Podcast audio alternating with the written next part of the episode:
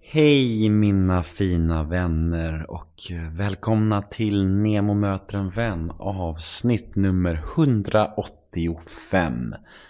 Denna vecka gästas jag av Anna Mannheimer. Men innan vi drar igång dagens avsnitt så vill jag bara säga att nu är min självbiografi färdigskriven. Mm.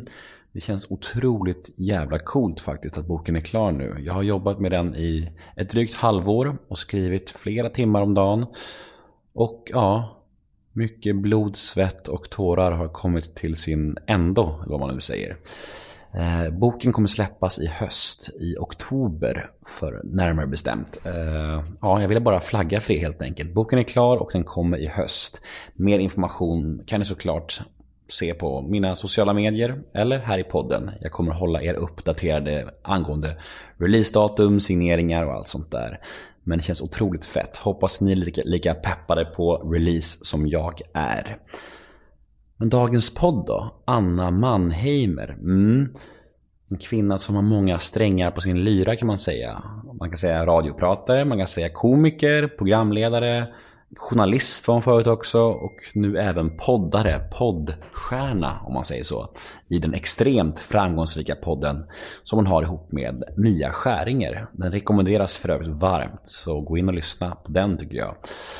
Jag åkte till Anna hem till henne i hennes hus utanför Göteborg eh, och ja, hon var ju väldigt eh, det var lätt att prata med henne. Hon hade ett härligt tempo, det var ett skönt flyt i samtalet, men också ett mörker som var väldigt intressant. Hon eh, bjöd på sig själv mycket och eh, ja, ett samtal som hade allt. Så kändes det i alla fall och jag hoppas ni kommer gilla det här också, för jag tyckte det var väldigt, väldigt fint. Jag, ja, hon var en kvinna som jag verkligen tyckte om. Jag heter Nemo Hedén på Twitter och Instagram. Hashtaggen är NEMOMÖTER på sociala medier. Eh, om ni vill gilla oss på Facebook finns vi där också. Nemo möter en vän. Får ni söka på i sådana fall. Har ni några frågor eller önskemål gällande podden eller vad som helst, mina föreläsningar eller boken eller vad som helst, då skicka dem till nemohedén gmail.com Och min hemsida är, precis som ni vet, www.nemohedén.se och podden presenteras precis som vanligt av Radio Play och klipps av den fantastiska Daniel Eggemannen Ekberg. Men nog om mig. Dags för Neo möter en vän avsnitt nummer 185. Gäst Anna Mannheimer. Rulla gingen. Nemo är en kändis, den största som vi har. Nu ska han snacka med en kändis och göra honom glad. Yeah! Det är Nemo är en kändis, kändis. den största som vi har. Nu ska han snacka med en kändis och göra honom glad. jag skrivit mig det. Men varför du får göra som du vill? Mm. Ja, du hör. Vi kör igång. Nu kör vi igång. Jaha. Nemo möter en vän med Anna Mannheimer. Hej. Hej. Nu är jag hemma hos dig. Ja. Men, och det var inte helt eh, enkelt. Nej, för fan vilken knepig resa att komma hit. Alltså tåget stannade i Lerum. Växelfel, så jag tog taxi därifrån. Men det, var, det är ju ändå både bra och retsamt på något sätt att det stannar så pass nära. Det är ju bra, för då kan man ta taxi eller så. Samtidigt så är det så irriterande att man vet att det är typ 15 minuter kvar på tågresan. Liksom. Det mest irriterande var ju att den stod i en timme där. Innan de gav beskedet om att det här tåget kommer inte fortsätta. Så i en timme så kunde jag gjort något annat liksom. Men vad var det den här gången? Vad sa Växelfel. Och jag blir så här, väx, vad är det? Vad är växelfel Ja, för något? Man har alltid undrat det. Ja. Signalfel, vad är det för Ja, något? det säger de också väldigt ofta. Eller att korglutningen har gått sönder i Mm. vagn 3. Det händer alltid mig. Och då kan man ju inte... Men nu när jag åkte sist i...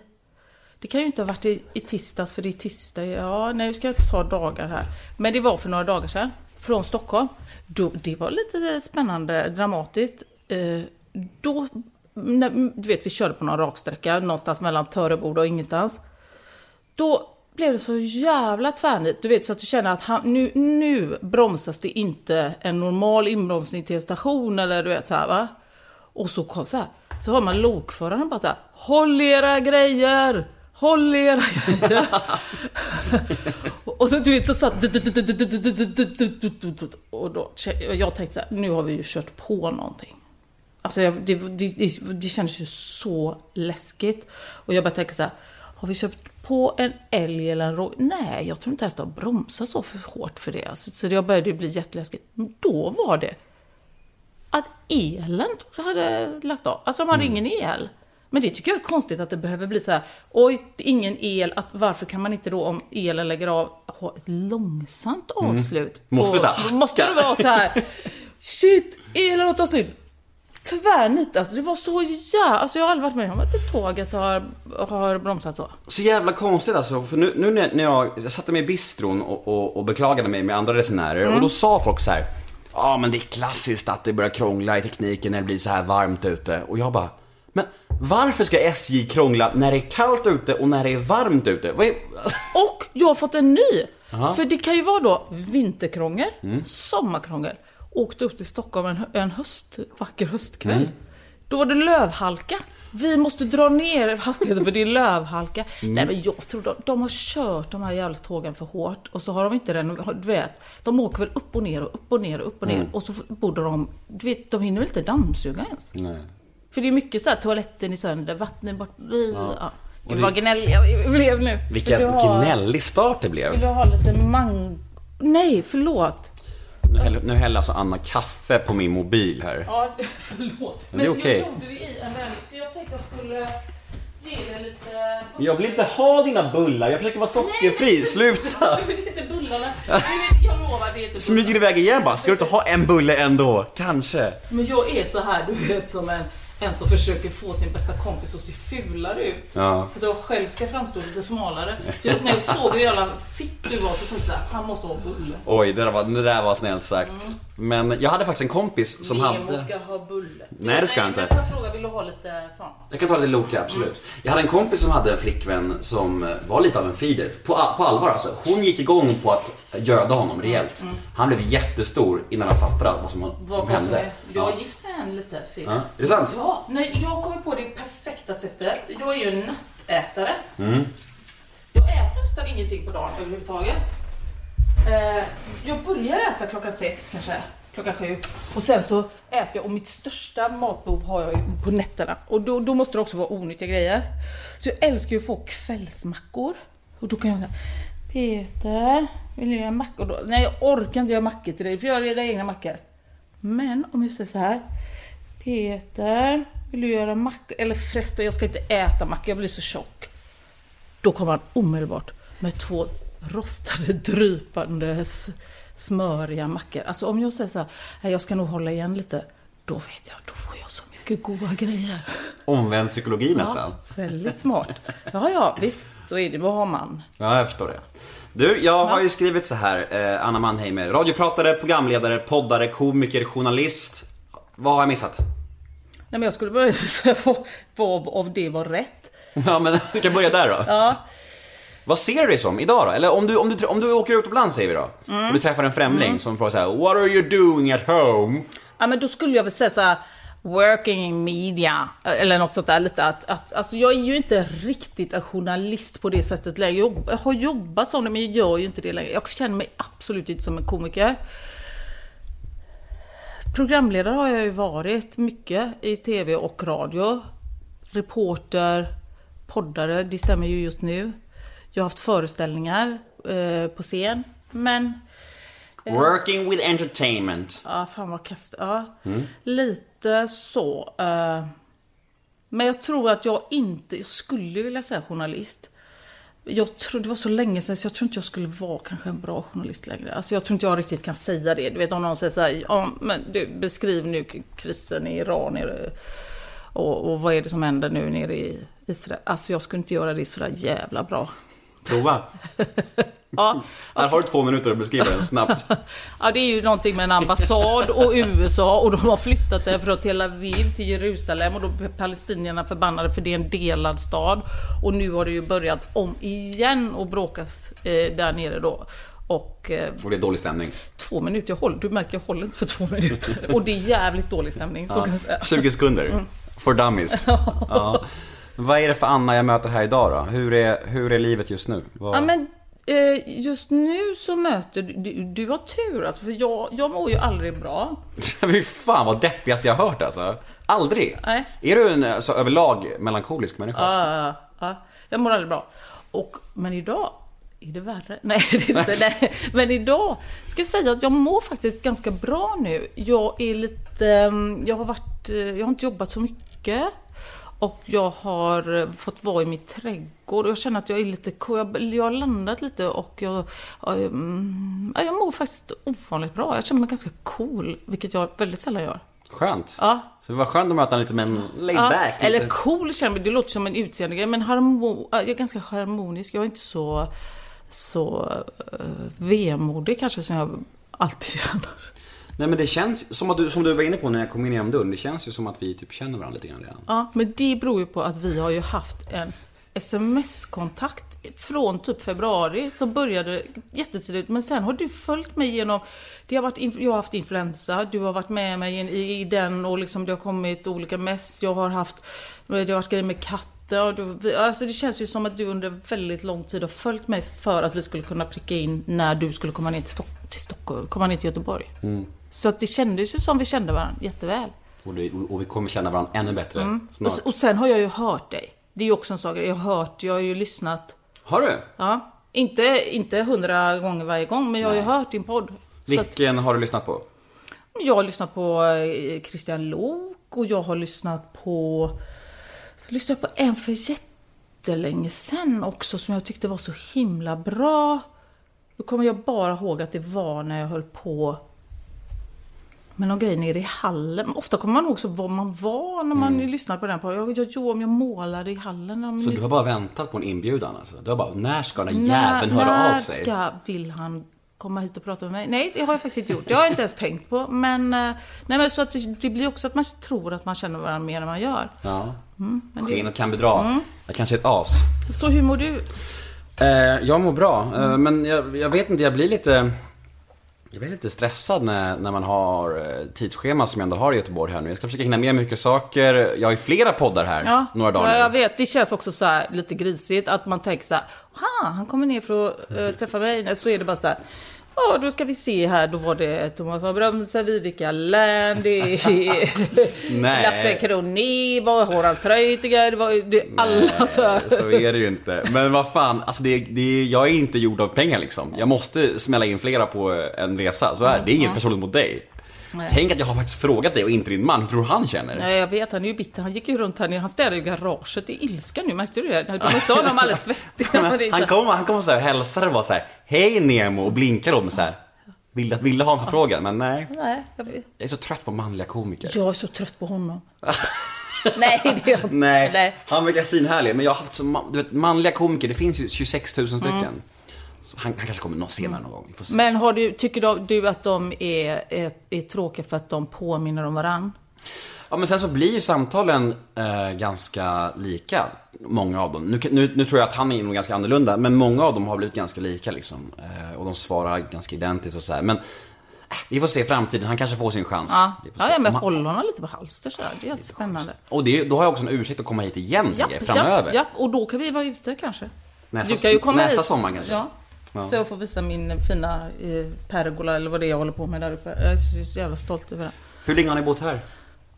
Alltså, man, det, det är faktiskt en grej, det skulle jag ha sagt till. Man ska inte fråga mig om hur länge, år eller när i, i tid. För att jag, men jag, vi har bott här några år. Mm. Inte jättelänge, men inte heller nyinflyttade. Vilken del av Göteborg är det här? Är det här en fin del eller är det en förort eller vad säger man? Det är en fin del. Ja. Det borde bara ha massa rika människor här. Ja. Ja. Fan nice alltså. Och jag bara får komma hit. Är, är, är det så här att du tar hit journalister? Är det liksom helt lugnt eller har ni ingen så här integritet?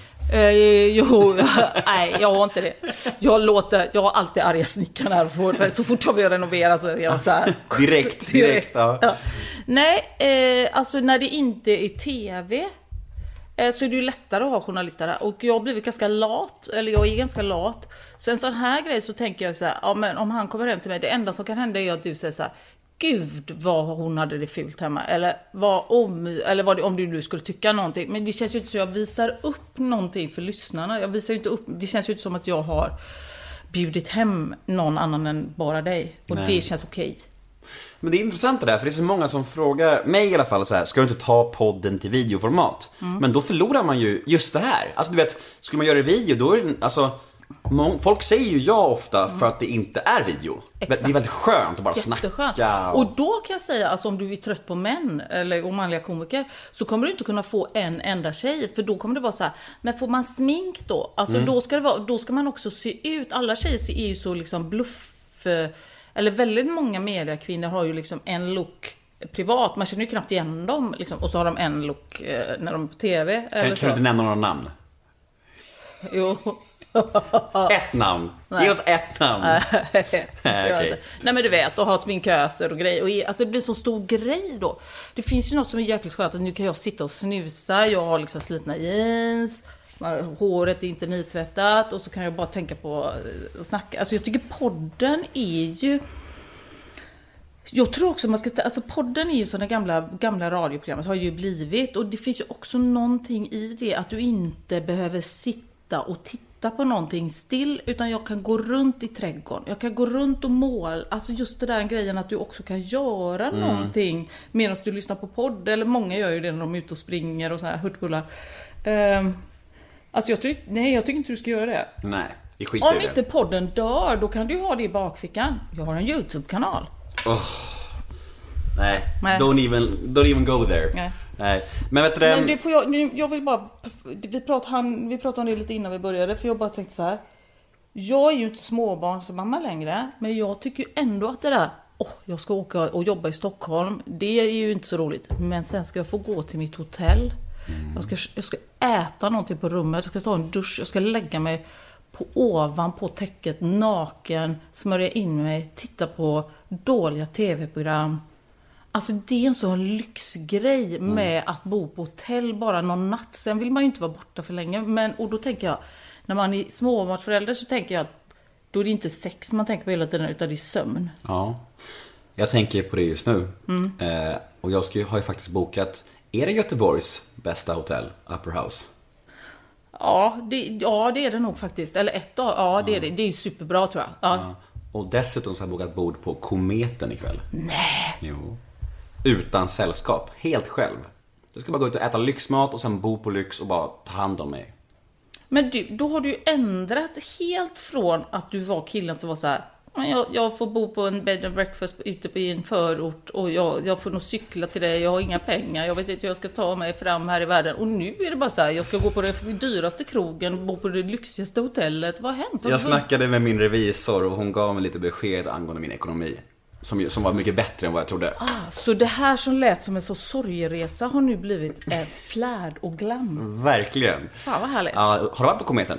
Jajamän. Är det bra? Ja men det är ju liksom en, alltså det är ju så här traditionell husmanskost, Mannerström, eh, en jättegammal eh, restaurang. Liksom. Det är ju inte, det är inte fräckt på något sätt. Utan Jag tror du skulle säga en jättegammal gubbe. Ja det är det också. Det är en gammal, gammal gubbe, gammal restaurang, gammal mat. Nej men, och så är det ju så här, eh, ja men du vet, det är Robust. Ja, det är Mat. köttbullar och det är kalvlever och det är Wallenbergare och det är, ja men det är sånt klassiskt men supergott. Hur ligger det i relation till Upper House?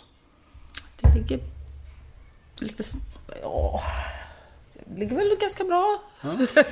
jo, men om du åker spårvagn så är det två hållplatser tror jag. Eller något sånt där. Aha, Går ja. du så är det eh, en kvart. Ja men vad fan, det är ju perfekt.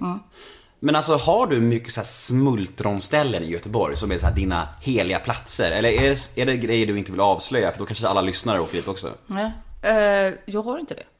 Det Ingen? nej, varje, varje sommar så får, ringer GT eller GP och säger så här... Eh, Eller GV. Ja, eller, eller FGV och undrar så här, kan du ge mig dina bästa tips i Göteborg? Hör du vad han säger då? Du är den enda. Och eh, jag fattade det på en gång. Jag, vet, jag bara tänkte så här, nu är det Leif GW igen. Jag vet ju att det är smultronställen han är ute efter. Ja. Han har tre favoritgrejer, alltså lugnande tabletter, alkohol och smultronställen. Och smultronställen. Men, och jag har inga. Överhuvudtaget så tycker inte jag att Göteborg är eh, min älsklingsstad. Alltså jag är född här, jag har mina vänner här och mina barn bor ju här och så. Men jag tycker, jag är ingen sån här som Åh vad jag tycker det är mysigt, att Göteborg är en mysig stad och jag trivs här i, det här, alla är så goa och jag tycker verkligen inte det. Jag trivs faktiskt nästan bättre i Stockholm. Jag har bott i Stockholm några år. Eh, för hundra år sedan men ändå och eh, jag tyckte att jag passade nästan bättre in där. Jag fick jättebra, alltså riktigt bra vänner. Jag tyckte alla var skittrevliga. Mycket, alltså det där att folk sa att vi är så liksom eh, hårda i Stockholm och de är så goda i Göteborg. Alltså jag tycker inte alls det. Det är bara en myt. Ja, jag tycker Göteborg är dryga och liksom välkomna till Nej men de är så här. Eh, Men vad skulle du säga är den stora skillnaden då mellan Göteborg och Stockholm? Om, om det går att säga några skillnader? Ja, alltså, jag, jag tänker ju så här att jag kan säga skillnader. Eh, samtidigt så tänker jag lite som hur världen ser ut och när vi hela tiden letar liksom vi och dem så kan jag ju också säga så att det är inte, alltså det där att man håller på i ett, i ett land med olika städer. Alltså det finns mellan Tjörn och Orust två öar. Mm. Tjörnborna i Sanna Orust. Alltså, det är ju inte så jävla stor skillnad. Alltså det är ju inte så stor skillnad. Jag ska till Orust imorgon. Ja, ser du. Men det jag menar, det är, det är ju inte så, alltså om man kokar ner det, vi är liksom svenskar som bor, de flesta i Stockholm är ju göteborgare typ, från början. Eller liksom, det är ju inte så stor skillnad. Det är, det, det är ju lite vackrare i Stockholm framförallt. Det är en vackrare stad. Mycket, alltså det kan ju vara nästan världens vackraste stad tycker jag. Det är så otroligt vackert. Och så finns det ju det här, det är något så lite vemodigt över Stockholm också. Jag vet inte vad det är, men det är något lite så här att det är som en lite bluesig sommarnatt. Alltså det finns både något vackert och något vemodigt som är oh, sådär. Eh, och ja, men, de grejerna som händer i Stockholm, det kanske kommer lite tidigare till Stockholm, men tre, fyra månader senare så är det Göteborg. Alltså, Men alltså, jag anar lite gräs grönare på andra sidan här. Att om du hade bott i Stockholm hade du kanske diggat Göteborg mer, eller? kanske. Mm. Kanske jag tycker det är fantastiskt att vara i Göteborg. Jag tycker att, jag är ju som den här stereotypa människan som du pratar om, som säger att Göteborg är så trevligt. För jag upplever att människor är trevligare där. Jag upplever att Stockholm är är stelare och så här. Men, men, men jag är glad om jag har fel. För jag bor ju där trots allt. Men jag tror också att det kan vara så att det blir lite som när man åker på semester. Att Mm. när du inte är i din vardag, det här tråkiga liksom, jag ska till bankomaten och sen ska alltså det, i den stan blir det ganska tråkigt och en kö blir tråkig. Men när du är utomlands så blir helt plötsligt grejer så här. Wow, det är lite mysigt att stå i kö här och titta vad de pratar roligt och vara snälla. Alltså att man Ja, ser det, för man, man är lite på semester. Även om du är här och jobbar så är det ändå lite bo på hotell och alltså man är inte hemma. Nu bodde jag i och för sig i Stockholm i fyra år, men jag vet inte. Att jag, jag, jag, jag tror inte det är någon skillnad. Jag tror inte det är någon skillnad på, på folk överhuvudtaget så mycket egentligen. Ingen människa i hela världen. Nej. Alla är väl kött och blod. Kött och blod Ja liksom. men lite så här trök basic. Det är min folk i min familj som, som river om det var några konstiga grejer så är det min man som är sur för att han inte får vara med i podden. Ja. Och min dotter som är kissnödig, tror jag. Vilken jävla blick han gav mig alltså. Ja, vi kan fråga honom sen om det är det. Ja, fan. Han får väl fan stå i kö som alla andra. Ja, exakt. han får han, får, väl- han får ju göra... Det är faktiskt så här. Han får göra någonting bra först. Han får väl kanske göra en bra podd själv. Ja. Ja. Vill du vara med i en podd får du kanske göra en podd. Ja, men det är fakt- faktiskt sant. Alltså, jag, alltså, jag är ju i poddvärlden liksom. Jag, vet, jag, liksom. jag fick ju upp ögonen för dig igen och du blev poddare liksom. Ja. Sen är ju jag, lyssnade jag på Rally som tidigare också, men jag hade ju en Anna Mannheimer-paus hade jag ju. Ja. Det, det, det, det önskar jag att jag har haft också faktiskt ibland. Ja. Ja, vi kommer till det. Ja. Men just nu då, om dagarna, vad, vad gör du om dagarna just nu när du inte jobbar så mycket? Alltså, stretar du bara runt här i trädgården och geggar eller vad, vad händer liksom? Exakt Ja. så är det. Nej, men alltså Och jag- äter mackor med Nej, jag marmelad hat- på. Nej, fy, jag hatar marmelad. Men alltså jag, jag, jag jobbar ju mer än att det som syns kanske, eller Mm. hörs med podden. Jag har ju andra eh, jobb liksom. Och Jag, Mm. gör ju tv-program och radio, skriver grejer, levererar, skriver kanske åt andra, sådär, håller på. Eh, men just nu så har jag mycket mindre att göra, medvetet mycket mindre att göra. Därför att jag behövde ha en lite mm, lugnare paus. Sådär. Men, eh, men eh, jag, jag gör ju min podd och mina andra har några så lite upp, olika uppdrag som jag eh, gör. Som jag har. Vad tycker du om intervjuer då? Alltså i den här stolen du sitter nu, Mm. i, liksom, i intervjuobjektpositionen. Vad, hur- trivs du här eller är det lite, lite så här blandade känslor? Ja, blandade känslor tror jag. Alltså det är ju... Det är roligt på ett sätt för om det är någon som är bra på att intervjua och om det är någon som ställer frågor som man kanske inte, som man, har, som man får tänka på. Sen är det ju lite bökigt för man ska ju spela upp den här lite skär- Man vill ju att folk ska gilla en liksom. Så man vill ju spela upp den här. Även om man är trött och ont i huvudet så vill man ju spela upp en skön, skön grej. Men äh, vänta, jag får bara säga. Kan inte ni vara tysta? Vi sitter här inne. För mig är det okej. Ja, Okej, det är okej. Ni behöver inte vara tysta. Det är lite, lite av charmen med min podd. Att det är lite så här rakt upp och ner bara. Kör så du, kör som fan. Babbla på. Nej, bra. Här, kom och titta, kom och säg hej. Kom. Kom, kom och säg hej. Om du vill. Du kan få säga hej i podden. Jag är inte den som är den. Nej, det tycker Nej. jag är bjudigt. Ja, Man får börja tidigt. Det här är min dotter Olga. Tja! Det här är Nemo. Hej, jag heter Nemo. heter Olga. Hej Olga. Trevligt. Hej. Jag lämnar nu. Ja, Hej då, Olga. Ja, snabbt. Ja, Ja. detsamma. Fan vad skönt, nu har jag fått in henne. Vet du. Jag tänkte så här, vad fan ska man leva på sen? Men nu, BAM! Fick jag in dottern i poddvärlden.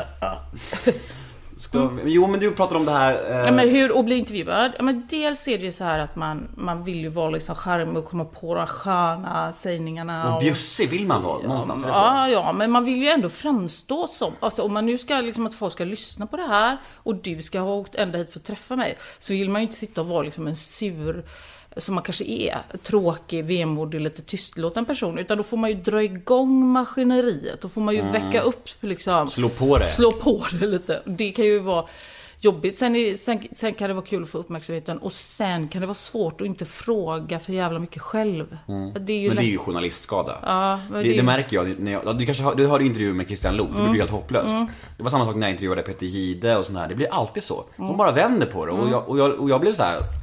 Eh, Jag blev jätte, jätteobekväm då. Jag får säga åt dem på skarpen. inte, Men samtidigt så kan det ju vara ganska skönt tycker jag med en intervjuare som ger lite av sig själv. För dig känner, man, man, man känner ju dig ändå lite, du gör föredrag, man vet du pratat om ditt liv och sådär.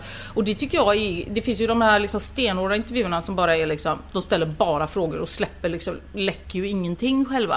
Det blir ju ett bättre möte att vi vet lite om dig, att ja men du är småbarnspappa. Du är en före detta jävla junkie. Du är ett as. Du är ett eh, liksom... Jag är inget as. Nej, det är Före detta as, Ja, före detta as. så. Ja, ja. Nej, men det, för det gör ju också det. Du bara, du är före detta yankee, du är ett as. Va? Va? Vad hände med före detta Jag ordet tänkte där? jag liksom fick in lite. Ja, men det, jag håller helt med dig och, och, och, och tanken med podden var ju att det skulle bli som ett samtal med från början, det ville jag. Men, här kom problemet in, att om jag pratar om mig själv i en podd med en gäst, då blir det lätt någonting som mina, mina lyssnare har hört 85 gånger. Exakt, för dina gäster tycker, och det är nytt, du kan väl berätta om Ja. det. Och så får du berätta samma grej varje gång och så tycker dina lyssnare så här, men ska han dra den jävla liksom... Ska han berätta om sin jävla knarkiga exliv? Åh! ja, Ja, men, visst är du det kan- svårt? Ja, men vi, du kan bara säga två grejer. Vilket knark är bäst? Say hello to a new era of mental health care. Cerebral is here to help you achieve your mental wellness goals with professional therapy and medication management support. 100% online. You'll experience the all new Cerebral Way, an innovative approach to mental wellness designed around you. You'll get a personalized treatment plan from a therapist, prescriber, or both in a safe and judgment free space. Your Cerebral therapist or prescriber will outline a customized plan with clear milestones along the way so you can get to feeling your best. With Cerebral, you're not alone in your mental health journey. We're here to empower you to live a fulfilling life. So take that first step towards a brighter future and sign up today at cerebral.com slash podcast and use code ACAST to get 15% off your first month. Offer only valid on monthly plans. Other exclusions may apply. Offer ends July 31st, 2024. See site for details. Ryan Reynolds here from Mint Mobile. With the price of just about everything going up during inflation, we thought we'd bring our prices down. So to help us, we brought in a reverse auctioneer, which is apparently a thing. Mint Mobile unlimited premium wireless. Ready to get 30, 30, bit to get 30, bit to get 20, 20, 20, bit to get 20, 20, bit to get 15, 15, 15, 15 just 15 bucks a month. So, Give it a try at mintmobile.com slash switch. $45 upfront for three months plus taxes and fees. Promo rate for new customers for limited time. Unlimited more than 40 gigabytes per month. Slows. Full terms at mintmobile.com. Eh, jag har på mycket med internetdroger. Upp eller ner? Upp. Ja, du är en uppare. Ja, men det är bara för att jag är så jävla dampig. Så jag, när jag knarkar uppåt-droger så vart jag lugn i själen liksom. Men det tycker jag är så jävla konstigt. Jag är ju en, en downdrogare. Då tycker jag det är så konstigt, för jag är en ganska lugn person. Mm. Så jag vill ju bara nodda med en heroinspruta egentligen. Men, Men, och så känner jag folk som är så här lite sprilliga och de vill bara gå på amfetamin och grejer uppåt. Jag tänker, borde man inte vilja sin motsats? Skulle inte en sån som jag, som är så slö liksom, eller liksom inåtvänd och liksom melankolisk och introvert, behöva ta liksom något. Men det är för att jag, när jag tar uppåtdroger så känner jag mig lugn. Det blir det blir tvärtom effekt. Det blir det. Så det, det, just det. det. är därför liksom, alltså du vet ADHD-droger är ju amfetamin. Ja, det är ju det. Det är ju ju konstigt. inte, det är inte en slump att det är så. Nej. Så jag har hållit på mycket med det för att det fick mig att känna någon slags ro i själen som jag aldrig hade känt förut. Men kan, får du medicinera på annat sätt nu för att hålla det stånget? Nej, jag, jag medicinerar inte alls. Jag... Eh, För jag tänker det finns ju så att Ja, säga det. amfetam, alltså amfetaminliknande saker som man kan få. Jag vet. Eller till exempel serotonin och antidepressiv. Alltså man, det finns ju mediciner man kan få om man är en olycklig person. Jo men precis, jag, jag käkade serotoninpiller ganska i något år in i min nykterhet. Men Mm. inte länge. Jag lyckades eh, trappa ner det och nu käkar jag ingenting. Mm. Nu är jag bara jävligt lycklig och lyckad. Fy fan vad skönt. Och 30. Ja, 30. Jag fyller fan 31 snart. Gud. Mm. Det kändes så nyss, det går så snabbt när man får barn. Det bara swishar iväg. Vi kommer nog till det också. Din dotter är fan 16. Galet. Ja det. Nu ska vi spola tillbaka bandet Mm, lite. Back to basic, back to scratch. Var, var kommer du ifrån Anna? Vart föddes du? Ja, men det, åh, det är så jävla tråkigt. Jag föddes i Göteborg. Eller ja, på något sjukhus här då. Så jag är från Göteborg. Och inte så jävla långt härifrån. Alltså i, i de fina kvarteren, fast det är något som heter Skår. Nu är vi i Kärrlund. Eh, och där bodde jag tills jag var 30. Nej men alltså, bodde hemma länge. Eh, två föräldrar, en storebror. Var, det- vad gjorde dina päron? Mamma var, eh, skrev, eh, te, jobbade med TV och skrev pjäser och TV-serier och regisserade dem och dramatiserade och gjorde. TV-serier. Pappa var från början advokat. De träffades i Lund när de läste i Lund. Och sen blev han mer och mer politiskt aktiv och eh, gick liksom över mer till att eh, jobba inom politik i Göteborg. Mm. Hur, hur var du som barn? Eh, blyg, tyst, tjock. Var du rödhårig? Ja. Var, Alltid var, var mig. du tjock och rödhårig på riktigt? Ja. Blev du, blev, alltså nu, nu ska jag dra en fördom Mm. här, men blir man inte lite utstött då kanske? Ja, men alltså jag, jag måste säga att jag, jag, jag gick, jag, det, jag, det var nog faktiskt ingen mobbing, så jag märkte, nej, nej. Alltså vi var, det var, jag gick i en jävligt liten bra skola här, alla var jävligt välartade, föräldrarna var arkitekter eller läkare eller lärare. Bra generalisering av mig. Bara för att man är tjock och rödhårig så måste man vara utstött. Ja. Nej men jag menar, jag, då, det var någon annan som var tjock och blond. Alltså Ja, du ja. vet, det var lite så här och alla var liksom ganska, ganska tror jag bekräftade ungar. Inga, inga lyxlirare på något sätt, men det var ändå liksom ganska akademikerföräldrar. Det var 70-tal. Det var inte, man blev inte mobbad eh, på det sättet. Eller vi i vår skola var det inte så. Så nej, jag blev inte mobbad. Alltså när jag var riktigt litet så, så kunde de. Men det var innan skolan, då kunde några lite äldre killar på gatan säga så här att jag skulle ta av mig mina kläder, då skulle jag få godis. Och så sa de, tjocka feta fläsket, spring, för det dallrade lite då va. Och så skulle jag, då kanske jag var fem år, naken, skulle jag springa runt och så fick jag godis. Och det gjorde jag glatt för godis. Mm. Det skulle jag göra idag också för godis. Ja. Gud, det där, jag har också sånt minne faktiskt. Det var coola gänget sa så här, om du, om du kissar på, på någon sån här dagis så får du en glass. Och så gjorde jag det och de skrattade så fick jag ingen glass. Ja, det är dåligt. Jag fick faktiskt godis Ja, när jag vet. visade mig naken. Så att det var... Men det var väl det tjocka feta fläsket. Men nej, inte i skolan. Och sen... Sen gick det faktiskt väldigt lätt av sig själv. För någon gång när jag var... Ja men säg i fyran, femman, sexan, jag kommer inte ihåg. Så blev jag lång. Och då var det som att då drog alltså jag behövde aldrig jobba med det här att jag var tjock. Utan jag bara liksom, så blev jag jättelång och smal. Och längre än alla andra. Liksom. Jag blev 1,75 när jag var 12 kanske. Så Släppte blygheten då eller? Var, det, Nej. var det tidigare?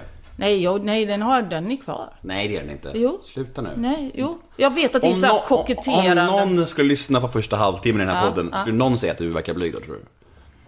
Nej men det där är ju, och jag hatar själv när man hör alla skådespelare säga såhär, jag är blyg egentligen. Mm, det gör de allihopa. Jag Persbrandt säger att han är blyg. Ja, men jag tror faktiskt att det, det kan stämma. För jag är skitblyg. Alltså jag är så här, om jag fick följa mina instinkter. Det är skillnad, för nu slår jag på honom, nu kommer du hit och då det är liksom, det är ju anfall i bästa försvar. Att man är liksom, tjapp, jag visar inte hur blyg jag är. Men om jag inte ska vara i min jobb, alltså jag blir intervjuad på grund av att jag är liksom en mediakvinna. Alltså om vi ska gå på fest, en vanlig fest, jag Peter. Alltså jag skulle egentligen vilja gömma mig bakom honom och slippa gå, du vet, gå så som ett barn som går och ställer sig bakom sin mamma och pappa och inte behöva hälsa. Alltså det är min naturliga. Men sen har man ju lärt sig att man istället går liksom och tittar rakt in i ögonen och säger Hej, jag heter Anna. Eh, liksom. Men det är ju en... Det är ju liksom för att man ska spela att man inte är blyg.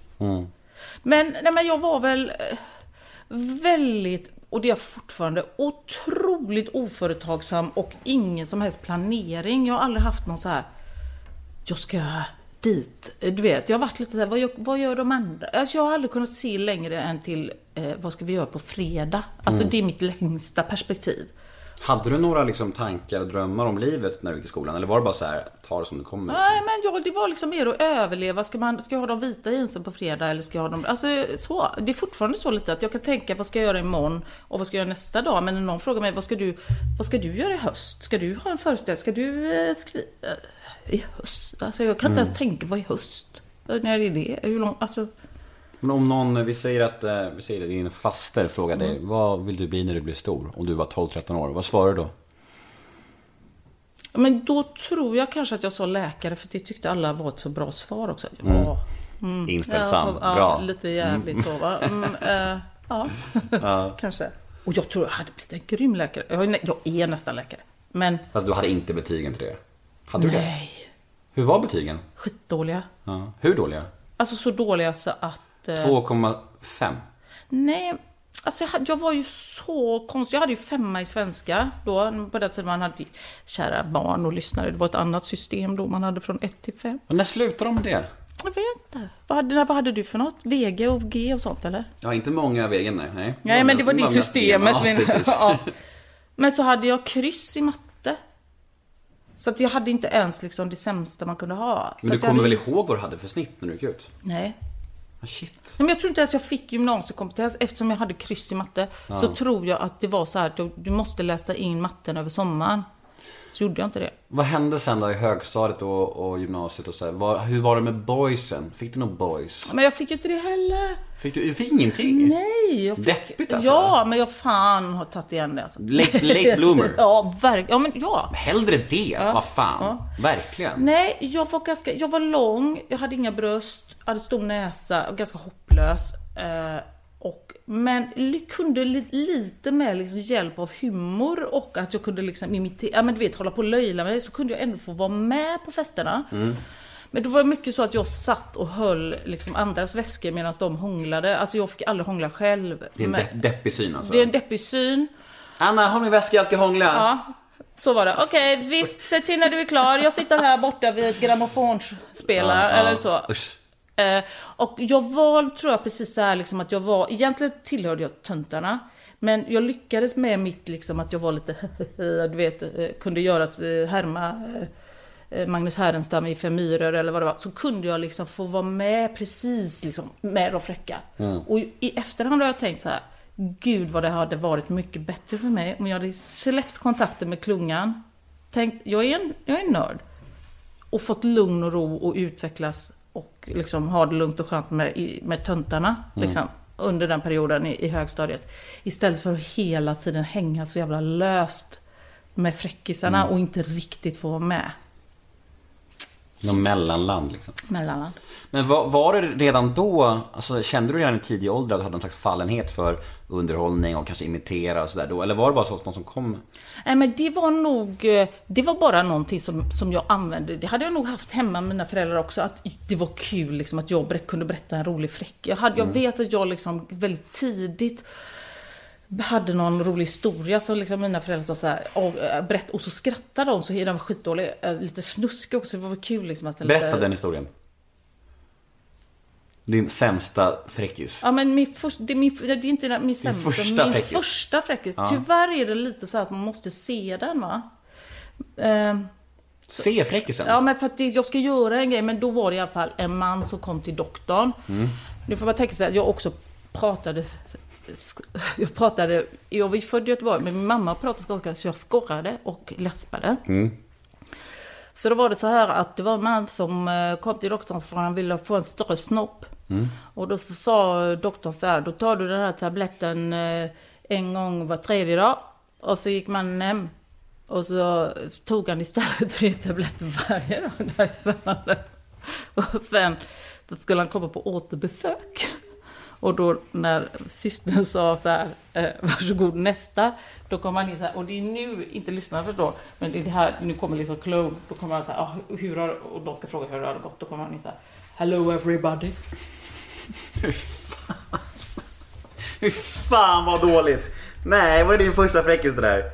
Och den där drar du fortfarande, fortfarande, fortfarande fester då? då? Aldrig, jag, jag tror inte faktiskt att jag berättade sen dess. Jag tror inte jag berättade för Peter. Men den, då när jag gjorde den, nu måste jag förklara, när jag kommer in och säger hello everybody så är det som om typ jag har en elefantsnabel som jag snurrar runt här. Mm. Så va. propeller, hade helikopter fått, typ, ja, han ja. hade fått en enorm penis.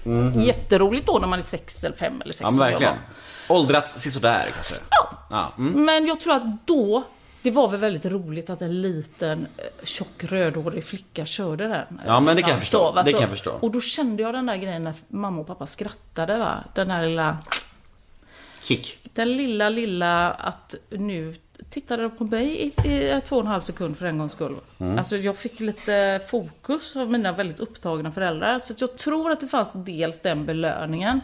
Och sen fanns ju den belöningen då när jag blev äldre att om man inte var snygg och var, tillhörde de här tjejerna som blev Lucia och så, så kunde jag ändå vara med för att jag var lite, lite snabb i käften. Liksom, att, det var, att de killarna, jag kunde ändå få hänga med för de skrattade. De ville liksom inte hångla men de tyckte ändå att jag var en ball tjej. Du hade din plats liksom. Ja. Då. Ja.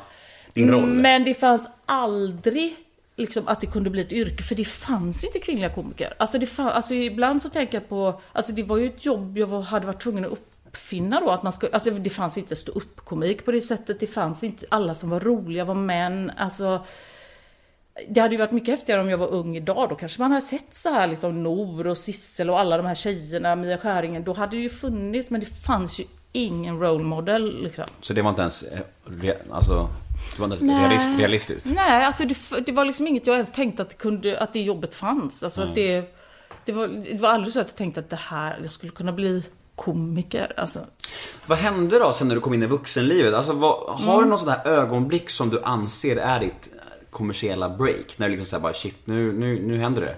nu flyger det. Ja. Nej, jag vet att jag höll emot jättemycket. Jag hade ett, jag, alltså för, ett, för personligen för mig, jag var ju som sagt en late bloomer.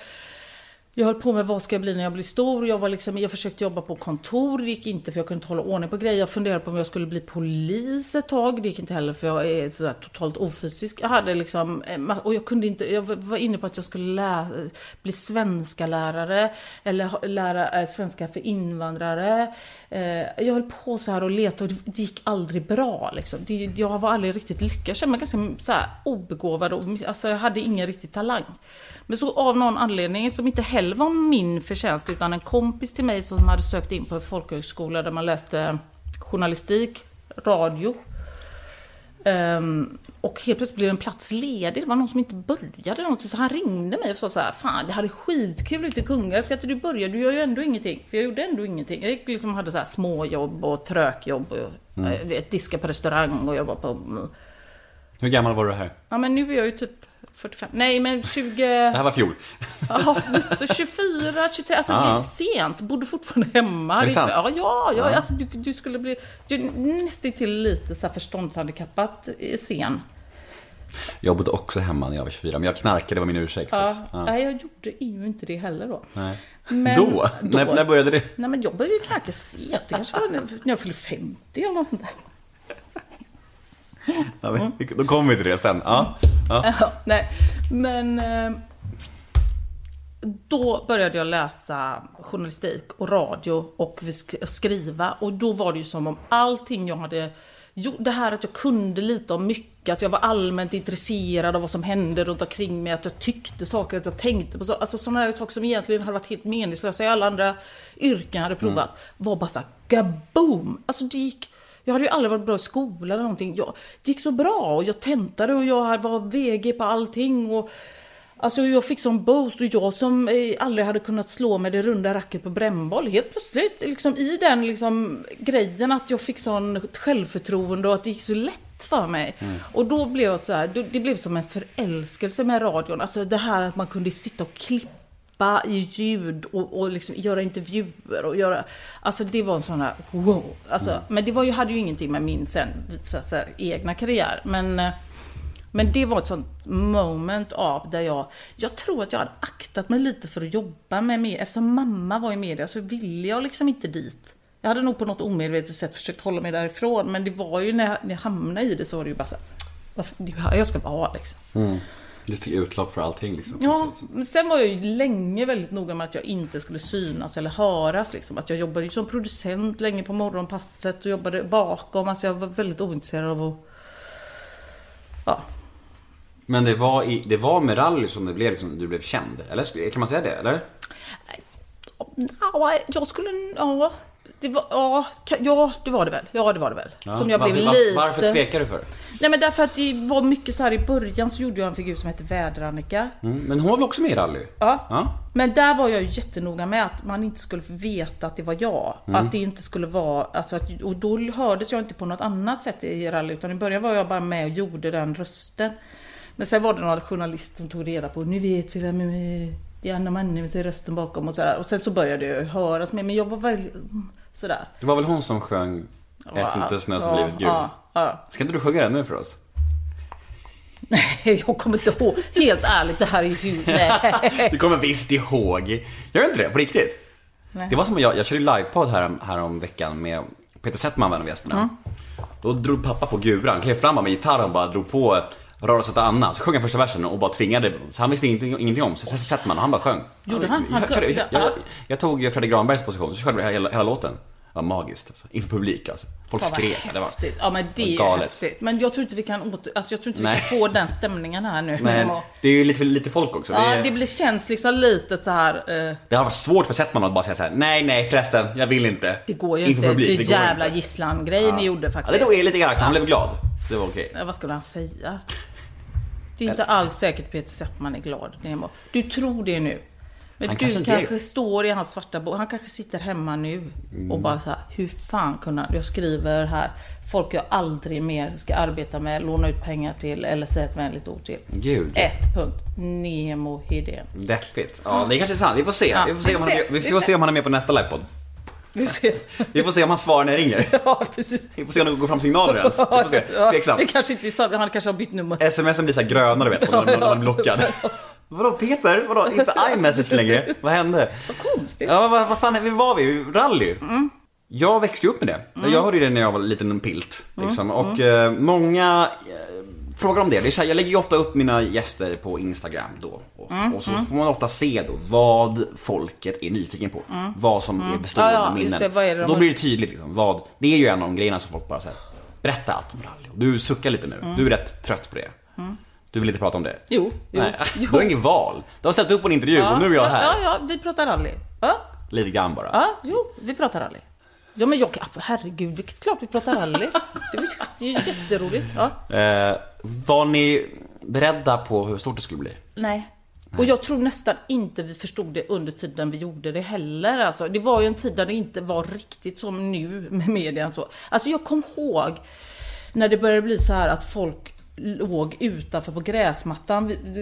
TV-huset låg här, ganska nära här. Och så när man kom på fredagen och skulle eh, sända, att det kom liksom folk på gräsmattan och hade par, alltså satt nedanför och lyssnade där vi spelade in. Man kunde gå ut och titta på dem och drack öl och liksom Shit. Ja, och liksom samlades. Det, det var ju, då fattar man att det här är nog ganska stort. Ska vi berätta för våra yngre lyssnare vad rally var? Ett radioprogram på P3 för hur länge sedan? Ja, nu är det ju det där när du ska fråga om årtal. Ja, men det var kanske... Ungefär, vi kan höfta lite. 90, mellan 95 och 02. Sju år. Hur många år kände du, kan vi inte lägga ner snart? Eh, Fem? Är det sant?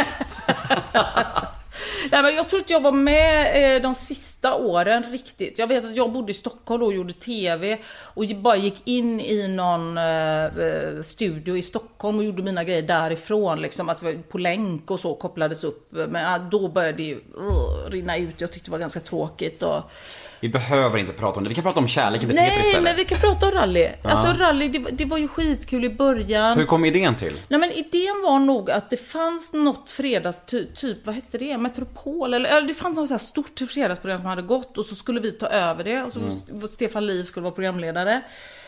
Och då plockade han väl av oss som jobbade på radio som han tyckte liksom var bra. Och Stefan Liv är ju en magisk radioprogrammakare måste jag säga. Så att han byggde ju hela den här världen med bakgrunden och och sådär. Och sen så hade vi ju alla andra andra jobb. Så att man kom ju in på fredag och jag tror att det var det som blev också rallys förtjänst på det sättet att vi gjorde ganska us- mycket var uselt.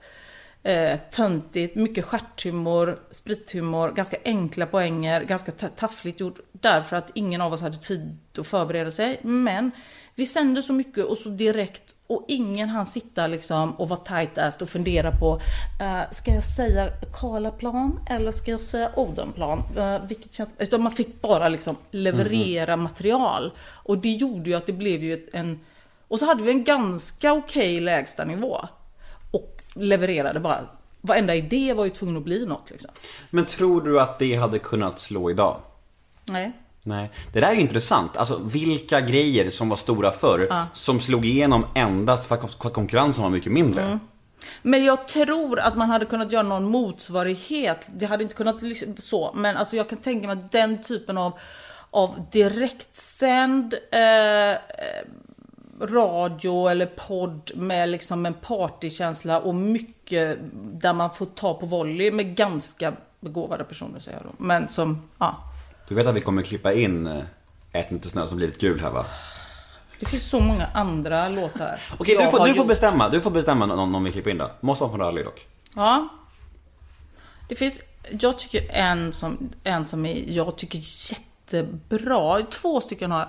Det ena är en som heter Sång om syrsor som är en gammal Sara Leander-låt. Som jag sjunger som en jättegammal dam som, eh, som är ganska sexuell. Hon är 100 år. Men hon men nu måste hon få ligga ner och ta emot. Det är hennes tur att ta emot nu liksom. Mm. Hon, hon kör hellre en smaskig 69 än att hålla på med doggy style och så. Men hon sjunger den och har liksom en sån här Ja, hon är en fin dam. Den tycker jag är jättebra. Mm. Och, den finns, och sen så finns det en låt som jag tror heter Gänga. Som bara går runt. Men det var en hit som gick då. Mm. Eh, som, Vi klipper in ett medley av lite av varje då kanske. eller så skiter vi i det med och helt och hållet. Det kan vi göra också. Men jag, vi var, alltså jag tror, som det, som det är eh, ibland. Det var en jätterolig period, men tyvärr är det ju så här också. Folk sa ju ofta så här, Gud ni måste ha kul och har ni party och fan vad roligt det måste vara att göra rally och sådär. Alltså för det första, det var ganska jobbigt. Man stod där, man stod ju inte och drack öl liksom. Man drack för mycket kaffe och var hungrig och klockan åtta visste man att man fick gå hem liksom. Mm. Och vi var periodvis en ganska dysfunktionell familj. Mm. Jag var oftast enda tjejen. Eh, ibland fanns det andra tjejer med i ett gäng av ganska eh, spretiga killar. Eh, alltså tyvärr är det ju så, det tycker jag har lärt mig med jobb, att många av de grejerna som har blivit väldigt bra har inte varit så himla härliga att göra. Nej. Och ibland har jag gjort saker där jag har känt att det varit så himla mysigt på redaktionen och vi har haft så bra stämning och så.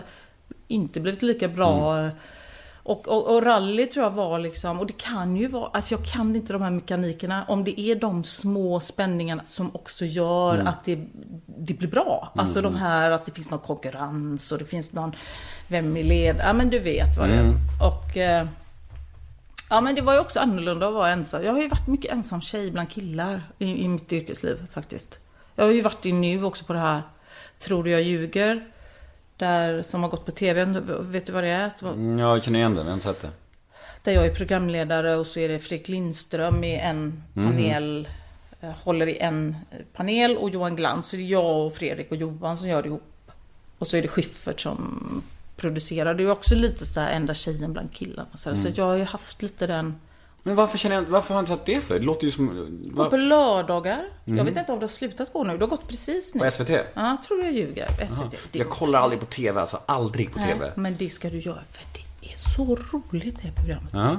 ja, men jag kanske borde kolla på det då. Kanske. Ja, jag kanske får Mm. göra det ikväll. Kanske. På uh, Gothia Towers, högst upp. Du, Eftermiddagen. om det ligger kvar? Ja. När jag är klar med uh, Mannerströms Men smörbi- det smörbiffar. Jag tycker det är så himla kaxigt att du, går, att du inte latar dig. Att du går iväg och sätter dig och så ensam på restaurang. För det tycker jag är bökigt. Ensam. Vad tittar du på? Har du med en Jag liten älskar bok? att vara ensam på restaurang.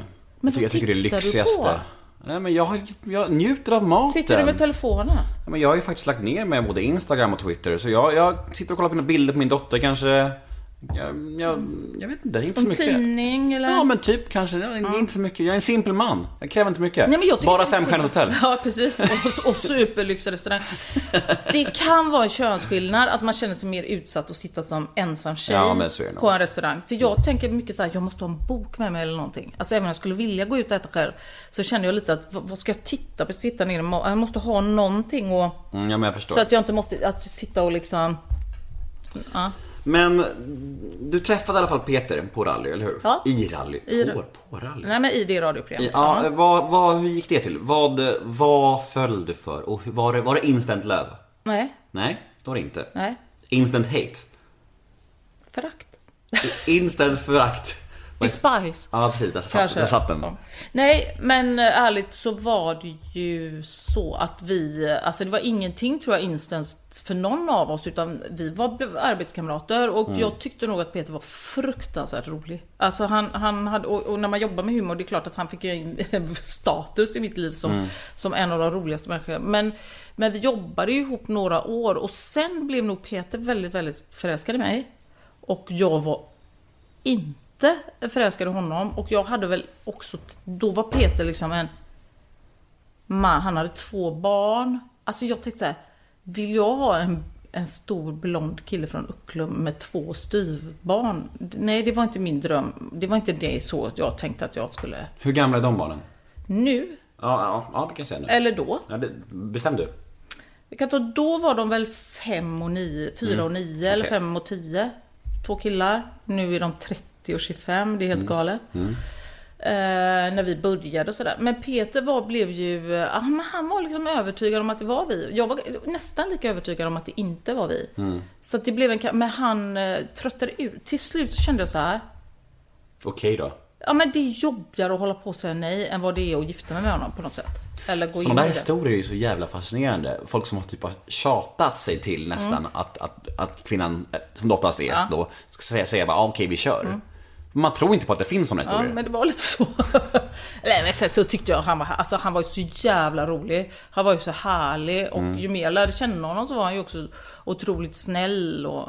Så det var inget så här jufsande backstage på Sveriges Radio? Nej. Men det vill man ju tro. Ja, jag vet att det skulle vara så här vi ses i eh, liksom... Vad säger man? Vad är ett klassiskt eh, radiorum?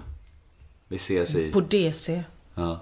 Det är där tekniken kopplar. Vi ses på DC. Jag vet inte vad det står för. Vi ses i DC om 10 minuter. Om 10 minuter. Nej, inte så. Ingen så. deppigt. Nej, Nej, inte okej, alls. inte det hade ju varit sjaskigt. Nej, det var ganska skönt. Så att egentligen, och sen flyttade jag ju upp till Stockholm. Innan vi blev tillsammans, då hade jag faktiskt en annan relation som jag hann med innan jag träff, liksom blev tillsammans med Peter. Då hade jag börjat jobba Mm. på TV, så vi blev liksom egentligen tillsammans efter att som vi jobbade så himla mycket ihop. Mm. Liksom, det var efter det vi blev ett par kan man säga. Sen har vi ju jobbat ihop som par eh, liksom nu. Ja, liveshow och allting. Ja, Mm, kul. ja. Hur gick den? Den gick, väldigt bra, eller hur? Ja, vi har haft tre föreställningar som har Shit. gått svinbra. Ja, får man säga det? Ja, men det har Det gått jättebra. säga. Alltså vi har ju varit här runt då. Första, då var ju Olga ganska liten så då hade vi så här, vi, vi, vi spelade bara på barnvaktsavstånd liksom, att man skulle hinna hem efteråt. Så det var liksom, typ Lerum, Draken, Kungälv, Trollhättan, runt så här. Eh, Och sen de andra så har vi faktiskt kört bara på Draken i princip. Eh, här i Göteborg, så en, Mm, en scen. Ja. Eh, och det har gått jättebra. Du vet, vi skulle göra 15 föreställningar och det blev 115. Alltså det är så här galet, men jättekul. Mm. Fan vad roligt. Välkommen till Däckteam! Nya däck. Ah, här! Rätt däck! Och där! Snyggt! Ha! Ja! Där satt den! Easy! Kör säkert med Nokian Hacka sommardäck. Aktivera hackaskyddet och trygga semesterresan i sommar. Däckteam, vet vilka däck du behöver. Det finns alltid mat för mästare på Lidl. Som färsk frukt och grönt till exempel. Varför inte pigga upp veckans mästarrätter med broccoli? Perfekt att steka, stuva eller koka. Just nu får du 500 gram broccoli för bara 9,90. Men du, priset gäller bara till och med söndag. Lidl, stolt sponsor av Sveriges Mästerkock. Eh, vad skulle du säga är den bästa och sämsta egenskapen han har? Peter? Sämst är ju Det är aldrig bra tecken om det sämsta är lättare att komma på. Nej. Hans allra bästa, alltså jag, jag tycker att, och det är många saker, alltså han är snäll. Han är alltså, och, jo, jag tror han är fördomsfri på ett sätt som jag nästan inte känner någon. Alltså han, han är verkligen fördomsfri i situationer. Han går in i, han är med, ja men om han träffar någon som är 100 år eller någon som är, är liksom narkoman eller alltså han är väldigt eh, Öppen bara. öppen och bara liksom tar folk så här och sen får man se vad som händer. Mm. Och i situationer som jag, han går in i situationer utan att vara rädd. Mm. Jag ibland tänker jag att han skulle vara en jättebra polis. Ja, man, man önskar att alla poliser skulle vara fördomsfria. Ja, men jag Vilket tycker att han skulle vara, han är orädd. Mm. Och han är liksom så här, tittar i ögonen ner. Du vet, han skulle vara så här, hallå hur är det här då? Liksom, utan att vara rädd och utan fördomar och så här. Mm. Det, det tror jag är hans allra bästa egenskap. Och värsta? Man väljer lite mellan två. Han är jävligt snarstucken liksom. Han är lättstött. Otroligt lättstött. Och blir sur liksom, som en liten tant. Vet du vad han också är? Han är missunnsam att du får vara med i min podd. Exakt. Och sen är han så jävla rörig. Är det så? Ja, jag försöker liksom vara så här, kan vi inte, alltså han, det går, och det, det, det kan liksom vara så här man säger, Peter kan vi inte göra så här nu med katten att han får mat tre, vi kollar om det funkar, men han får mat tre gånger om dagen för han har ätit dåligt på katten Mm. ett par dagar. Kan vi inte göra så här då? Jo, jo, visst. Och sen så går han och, eller man säger, vi ger, vi ger honom bara tonfisk nu. Visst. Så går han och bara lägger upp köttfärs. Nej men du vet, att han, Mm. det går inte att bestämma någonting och så köper, just, kan vi inte rensa ut och så åker vi och slänger allting som Peter har köpt och så äntligen är det, åh, äntligen har vi fått bort alla grejer. Då kan, inte, då, då kan man komma in och står det en uppstoppad kakadua inne på toaletten. Så, ja men den var så jävla fin, jag, jag hittade. Alltså, Fy fan alltså. Prylar. jättemycket så, och det är faktiskt sant att när vi, när vi väl då hade bestämt oss, nu ska vi flytta ihop och nu ska vi liksom bli något form av etablerat par. Då rensade jag ur min lägenhet, skänkte någon jävla ful servis i 900 delar som jag hade ärvt till Myrorna. Kommer hem när vi precis har flyttat ihop Peter säger så här, Kolla jag har varit på Myrorna. Jag köpte en servis. 1 och 5. De har köpt min servis Nej, det är inte sant. Jo. Det sjukaste jag har hört. Visst är det sjukt? Åh. Köp tillbaks min... Som, dels vill jag inte ha den och framförallt så behövde jag inte betala för den. Skulle man kunna säga att det är tvärtom mot win-win situation? Ja, det är lose-lose. Det är lose-lose situation. Det var, vi blev inte av med den Fan, och vi fick, alltså. vi fick betala för den. Jättekul. Kul, kul. Eh, Men har det någonsin funnits någon rivalitet och avundsjuka sinsemellan? Med tanke på att ni ändå är ganska mycket samma bransch Mm. liksom och, och sådär. Jag vet att det är lätt att säga såhär, nej självklart inte. Men har det varit såhär när hans Ja. telefon ringer som Ja. fan och din kanske inte ringer så mycket? Mm. Ja, jag, jag, jag brukar säga så här, det är mycket lättare än de perioder jag är stjärnan. Det, jag, Pe- Peter hanterar det, tror jag, bättre än mig. Eh, det för, alltså, vår familj funkar bäst när jag är stjärna. Mm. Ehm, men det har ju varit perioder när jag verkligen inte har varit det och det har varit jättemycket Peter. Och jag kommer ihåg så himla väl när det, ringde. Jag var på stan och så ringde de från det här programmet Diggiloo med Lasse Kronér. Och var Mm, såhär, ah, hej det här är Janne på, på Diggiloo. Jag var bara så här. Ja, vad kul att ni ringer, men jag bara säger så här, jag kan inte sjunga. Och jag, det, det är verkligen sanningen, jag kan inte sjunga. Det här är inte på skoj. Ska jag vara med då får jag göra rap och det är inte roligt. Alltså jag ska inte vara med i Diggiloo. Och så, så hör jag bara honom säga så här, "Ja, jag undrar om du har numret till Peter? Åh fy fan. Då hade jag hållit på så här och försöka förklara varför jag inte ville vara med. Och då kände jag liksom att jag blev så här, Alltså det stack, det, det var så här, fan vad pinsamt. Jag, tar Mm. liksom, jag trodde de ringde mig och de ville ha numret till Peter. Men sen så, och, och första gången det hände, liksom att Peter fick, ingen ringde och det var bara Peter som fick alla jobb och man kände så här, äh, nu är jag slut. Mm. Det är ju inte så mycket för jag är liksom inte så beroende av den där grejen. Men, men eh, det är klart att det känns lite sådär. Men eh, nu tycker jag att vi har varit med om att det här har böljat ett par, ett par varv på något Mm. sätt. Att det har varit, nu, nu är Peter, och, det, och, och det, det där är så snabbt. Helt plötsligt så gör, vinner Peter På spåret eller i mycket TV. Då, då får han andra jobb och folk vill att han håller föredrag eller någonting. Och sen så kommer jag och så är det någonting med podden eller jag, och då är det min tur. Och, Mhm. Alltså det är ganska lite och den där vågskålen går upp och ner. Så nu nu är jag inte lika bitter, men jag är nog, jag är nog mer avundsjuk. Eller jag tycker så här. Det var jag var stjärnan när vi träffades. Han är ju egentligen konstnär och inredare och skulle hålla på med det. Och då tycker jag, det kan ju väl han fortsätta med då. Varför ska han börja bli det som jag är? Måste han göra, du vet, han är lite såhär, gör jag podd, då ska han göra podd. Nej, jag bara skojar. Men alltså, jag tror att jag, jag har varit mer, lite mer avundsjuk. Men jag läste någonstans om att du, du sa någonting om att han aldrig stänger av.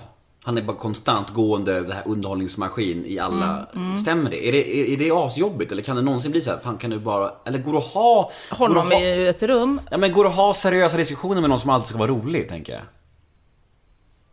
Ja, alltså ja, ja. Det, det kan vi absolut ha. Men han är nog en, alltså jag tänker, jag har ju ändå träffat ganska mycket komiker. Så är han ju, om han vill, så är han ju, han är ju så genuint rolig och han vaknar ju varje morgon och är glad och sjunger och hittar på text. Alltså han har ju svårt att... Jag vet inte. Jag, jag kom precis, vi, vi pratade om det för det var någon som påminner mig om det. Alltså, det är sån typisk Peter-grej att när Olga skulle ha sitt första kalas. Du vet, jag vet inte om man kommer upp i någon ålder så ska man ha sitt första barnkalas. Så skulle vi skicka liksom inbjudningskort. Så här, kom, och, kom hem till Olga, till, till några tjejkompisar eller vad det var.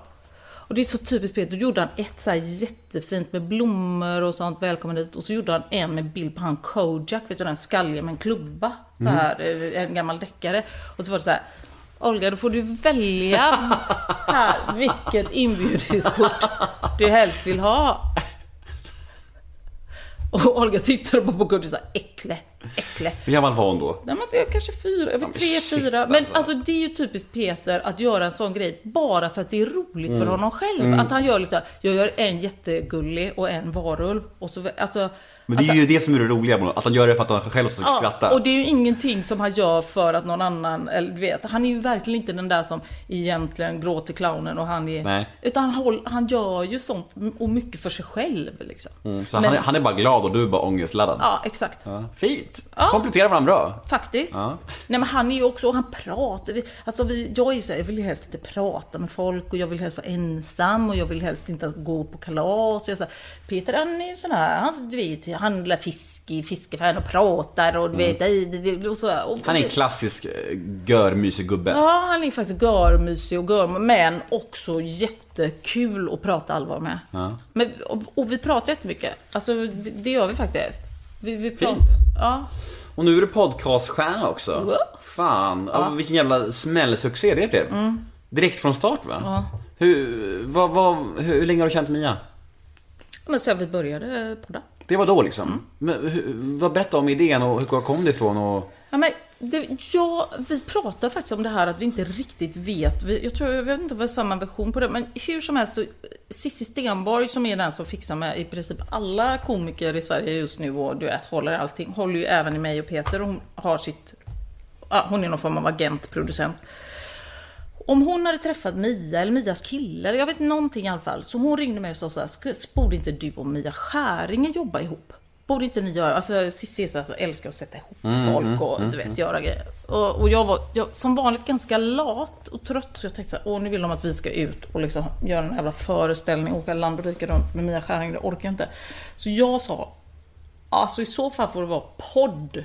Jag orkar liksom inte dra upp och ut på scen och vara borta hemifrån och sådär. Och det hade Mia väl tänt på, så, så då, ja men Mia tycker det skulle vara kul. Och, ja men vi måste ju träffas då, så vi fikade tror jag. En eller två gånger. Och så sa vi, och då hade vi jävligt roligt. Andra gången vi fikade så fick vi liksom en sån här, du vet när man sugs in i ett svart hål av humor. Du vet man bara liksom går, spinner vidare i någon grej. Och vi hade så här, och jag bara kände, fy fan bara vad hon- blixtrar liksom. Ja, för fan vad skön hon är. Och då sa vi så här att... eh, ni hade aldrig träffats förut? Nej, alltså vi har väl hejat på varandra sådär. Alltså vi har väl, hej hej, men vi har ju liksom aldrig suttit och pratat eller så. Alltså jag, man visste ju, jag visste ju vem hon var och jag har väl, du vet, hej, ja, hejat i sammanhang. Ehm, och och jag, så, jag hade sett hennes föreställning och tyckte att den var jättebra. Ehm, men... ehm, och du sa så här, men vi, vi, nu gör vi det här helt förutsättningslöst. Vi, ban, eller vi spelar in, och det här var väl kanske april eller någonting. Vi, vi gör några nu innan sommaren, så får vi se om vi tycker det, om vi tycker det här är kul, om det funkar mellan oss. Eh, och så är vi lediga hela sommaren. Och om det här är någonting så kör vi till hösten. Det, det var liksom grejen. Eh, väldigt förutsättningslöst. Och så sa det liksom pang Mm. på något jättekonstigt sätt. Så att när vi hade gjort några stycken och skulle vara lediga så var det så här, ni kan inte vara lediga över sommaren, nu får ni bara köra. Och det blev ett tag där var det nästan lite sådär, shit. Jävlar, jag må- vi måste podda, vi måste podda. eh, Mia, och Mia skulle till Italien. Alltså vi hade ju liksom inte tänkt ut någonting runt det, hur det skulle göras. Men, eller... men gjorde ni, körde ni själv från början? Eller ligger ni någonstans? Eller hur, är ni på Acast? Eller vad, hur ser det ut? Eller vart ligger ni? Alltså, har ni någon bas? Eller gör ni det själva? Nu blir du nervös för vad du får säga. Nej! Jag bara inser att jag inte vet. Men har ni några sponsorer och sånt här? Ja, ja. det har vi ju. Ja. Sponsorer har vi. Ja, men ligger ni Det på någon fick vi distributör? Ja, men det gör vi väl säkert. Ja, du, men, jag, du vet inte vad den heter, distributören? Nej. Nej. men jag vet ju att, man, att jag Mia skriver- swishar dig varje månad. Nej men jag har ingen distributör som jag får pengar. Alltså jag får, Nej. vi får ju pengar. Alltså vi spelar in det hos Sissi producenten. Mm. eh, På måndagar så ses vi klockan 10. Så bandar vi kanske till 11, halv 12. Och Klipp, sen, Klipper ni mycket? Inte någonting. Nej. Kanske så. Alltså, Ja, men så lite som möjligt. Så lite, vi kollar, för vi har en tekniker som spelar in det och så frågar man hur långt är det nu? Ja men det är en timme, ja men då slutar vi. Och då kan det ibland vara så här. Ta bort när jag snackar skit om Nemo Hedén. Eller du vet. Mm. Jag ska träffa honom nästa vecka. Ja. det är inget ja, men ofta Mm. är det att man har snackat illa om någon eller sagt någonting om sin tonårsdotter som Mias tonårsdotter vill ju inte heller att man Nej. sådär. Men vi klipper nästan ingenting. Det är väldigt basic. Och sen lägger vi ut alldeles efter. Har ni något manus eller riktlinjer eller så här? Nej. Nej. Ni bara kör. Ni är som Filip och Fredrik. Ändå. Ja, kanske. Ja, de gör ju också det. De Ja. bara typ räck, räck och bara Ja, kör en timme, ja. sen bara poff. Det gör vi. Och det har vi gjort. Alltså många har ju sagt ja men ni borde göra det och man ska så här. Men i och med att det gått så jävla bra och vi har sagt det kommer ju säkert att ta slut på ämnen och, och, och man måste börja förbereda sig. Men det, det är ju fördelen med att vi inte känner varandra så kan vi ju berätta saker för varandra Mm. som fortfarande, alltså det blir kul. Va? Vad fan har du varit eh, isprinsessa? Wow. Eller du Mm. vet, allting blir ju nytt och då är det också roligt att berätta för någon. Ja, precis. Så att det finns ju någonting i Det är att som två inte... kompisar tar en fika och berättar om senaste veckan och så, no- och så är lyssnarna liksom en- fluga på väggen. Ja. Ja. Det är fint ju. Ja, men Genuint. Det, ja, det är bra och vi har ju... eh, Alltså vi har ju, tror jag, ja, men jag tror vi har hittat en bra blandning också mellan, alltså vi har ganska lätt att hänga med varandra i ett skämt eller ett snack. Mm. Liksom, att vi har en likhet. Sen vi, har vi ju helt olika uppväxt, helt olika förhållanden, helt olika åldrar. Mm. Eh, på ett, jag är ju liksom nästan 15 år äldre än vad Mia är. Samtidigt så har hon levt som vuxen mycket längre än mig. Hon fick barn tidigt, Mm. hon har tre barn, hon har varit liksom mamma och det i livet medan jag har lajat alltså, så, Mm. att, så att vi har ju både likheter och olikheter. Hur Och mycket, så- hur mycket ja. lyssnare har ni? Vad ligger ni på ungefär? Vet du det? Jag vet. Alltså jag, när jag tittar och tänker så här, går det bra eller inte bra? Så brukar jag titta på det här podcaster. Mm. Och så brukar jag titta på li- topplistan där. Tjena! Hej. Eh, och då ligger vi ju väl alltid överst eller näst överst. Men det känns som att vilken fråga jag än ställer som innefattar siffror kan Mm. inte du svara på. Jo, sto, skostorlek. Nej men alltså. Ska jag öppna dörren för dig eller? Ja, men vi tänkte Det att blir så högljutt. Vi, vi, pra, vi pratade om hur ledsen du lär vara för att du inte har fått frågan om min podd. Får jag vara med? Mm. Hur känns det? Ja. Ja. Ja, men det, man vet aldrig. En vacker dag. ja. Men jag vill, bara- jag vill bara ha en ursäkt att komma tillbaka hit någon gång. Det är därför. Ja, men det får det. Bra. Mm. Vet du vad, om vi ligger på någon... Alltså när vi, om vi ger vi ut, ligger vi på någon... någon Distributör, deras podcast. Acast va? De gör det va? Jag tror det. Ja. Jag tror också det. Det var därför jag sa det. Ja? Det gör du med. Nej det gör jag inte. Jag ligger på Radio Play, försök inte. Radioplay och Acast. Ja, Mm. kanske då. Vad, Ja. vad, vad, vad heter de mer? Som jag... Det finns typ bara de två. Perfect Day också. Perfect Det Day. Nej, men då är det Acast. Hanna- Ja. Acast är det de Ja, ja, förlåt. Det finns bara tre stora. Men det är ju liksom, förlåt, det verkar som att jag är så här, men, Nej, men det är roligt. men, men det är ju inte, in, alltså jag vet inte, det, är- när den väl ska ut, jag vet inte hur det går till liksom. Jag tänker så här, vad ligger vi Mm. på? Alltså vad då ligger Det är ju inget som jag bryr mig om, höll jag på att säga. Men det borde jag kanske. När du säger lyssnare så är det så här, jag fattar. Vi, vi hade någon period när vi skulle vara så här, för det var sponsorer, vi vill veta så här, hur mycket lyssnare har ni? Mm. Och då har det ju varit så här, jag vet inte om du också varit med om det, att det är olika mätsystem och det är nedladdningar och lyssningar Ja. och helt plötsligt var det ju liksom... Eh, ja, Lys- eh, nedladdningar och lyssningar är ju inte samma som unika lyssnare. Det är nej. två olika. Och det är två olika och det var olika system Ja, och jag har precis. hört allt mellan ett tag hade vi 900 000, någon gång har vi 300 000 men vi ligger bra. Alltså jag Mm. vet att vi ligger som en av de Största i Sverige. största i Sverige. Ja, grattis till det. Tack. Fantastiskt. Mm. Vi går vidare till eh, sex snabba. Ja, okej. Eh, sex snabba frågor som... Mm, Nu snusar jag, nu blir jag nervös. Det Ska okej. det vara så här ja eller nej? Eller? Nej, du, du får svara bara. Ja. Eh, svar. Det är sex, sex, fråga- sex snabba frågor som Ja. alla mina... Mm, Det är inte ja. sex frågor. Nej, jag vet. Men då är det bara så här, när du säger sex snabba, är det att du ställer dem jättefort och jag kan svara hur långt som helst? Eller är det att jag ska svara snabbt? Du får svara hur långsamt eller snabbt du vill. Mm. De heter bara sex snabba. Jag är med. Dyraste ägodel? Ja, det är väl det här huset. Vad kostade det? Uh,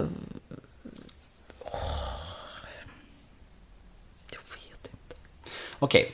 Vad missbrukar du? snus. Hur mycket snusar du? Inte så mycket längre, men jag snusar nog kanske en... Jag snusar ju varje dag. Kanske Mm. 10-15 snus. Och när du är här så snusar jag ju säkert fyra snus bara på en Ja, podd. för jag jävlar, de åker in och ut snabbt Ja, alltså. men jag tar Ja. in och ut samma och håller på så här när vi, ja, jag har något sånt. Ja. Vad gör du när ingen ser? Alltså då kan jag kolla på skvaller på Flashback. Är det sant? Ja.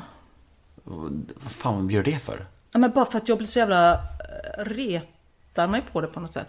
Och tänker så här, jag ska göra en egen profil och gå in och sätta, du vet så här, en sån här fake trollkonto och bara berätta för jag tycker att folk skriver så dumma grejer.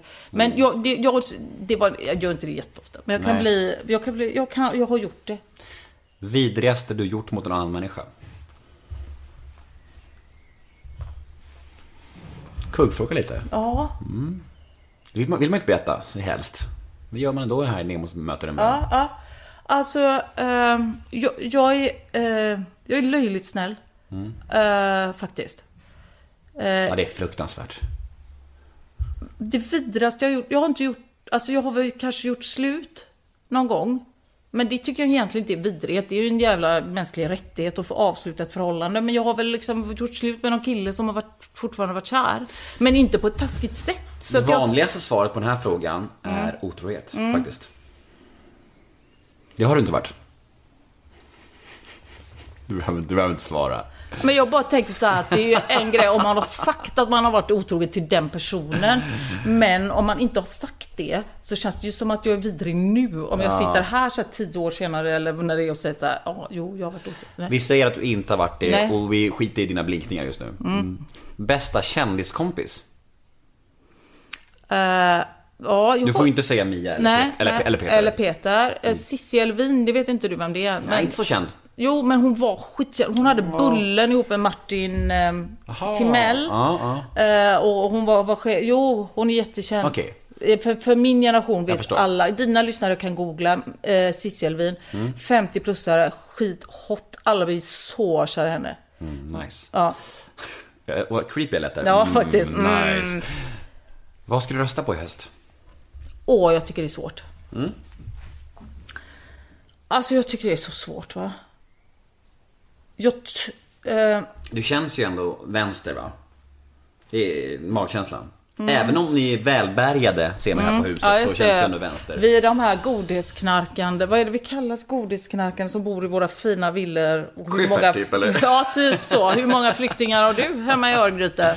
Ja. Eh, jag tycker det är svårt för att jag skulle ju, jag vill ju, jag vill, för, jag, jag, för mig just nu så är det lite så här, jag gör vad som helst bara inte Sverigedemokraterna eh, går framåt. Vilket de verkar göra på ett helt hysteriskt eh, sätt. Va? Och det, Mm. jag tycker det är så jävla obehagligt. Inte bara för deras flyktingpolitik utan för att folk inte verkar veta vad de har för politik. Alltså folk är bara såhär, vi, jag, jag vill inte dela med mig till invandrare, jag röstar på Sverigedemokraterna. Så blir det så här, vet, vad står de i abortfrågan? Vet ni det? Nej. Vet ni hur de står i miljöfrågan? Vet ni vad de tycker om de vill, eh, sambeskattning i äktenskap? Alltså jag känner att folk vet ju ingenting om vad Sverigedemokraterna tycker. Och jag, de tycker tvärt vad jag tycker i de flesta frågor, kan jag säga. Men då vet inte jag om det smarta är att rösta på Moderaterna så att de blir jävligt stora och inte behöver ta hjälp av Sverigedemokraterna. Alltså att om jag ska taktikrösta och så blir det en stark allians, att det är bättre. Eller om jag ska rösta på Socialdemokraterna och tänka, men jag tror att det kommer gå... Jag tror att alliansen kommer vinna, jag tror att det blocket kommer vinna och då tänker jag, ska man då... Eh, lägga Lägger jag en röst på till vänster, då, då har jag ju liksom slängt den i sjön. Mhm. Mhm. Mm, får se. Jag tycker så här. ibland när jag tänker så här, vad fan tycker jag, vad ska jag rösta på? Så tänker jag på faktiskt så här, lite, alla de här grejerna som typ Sverigedemokraterna nu säger är så svenska och som vi ska bevara, vår syn på kvinnor, hur allemansrätten, naturen, passionerna, du vet så.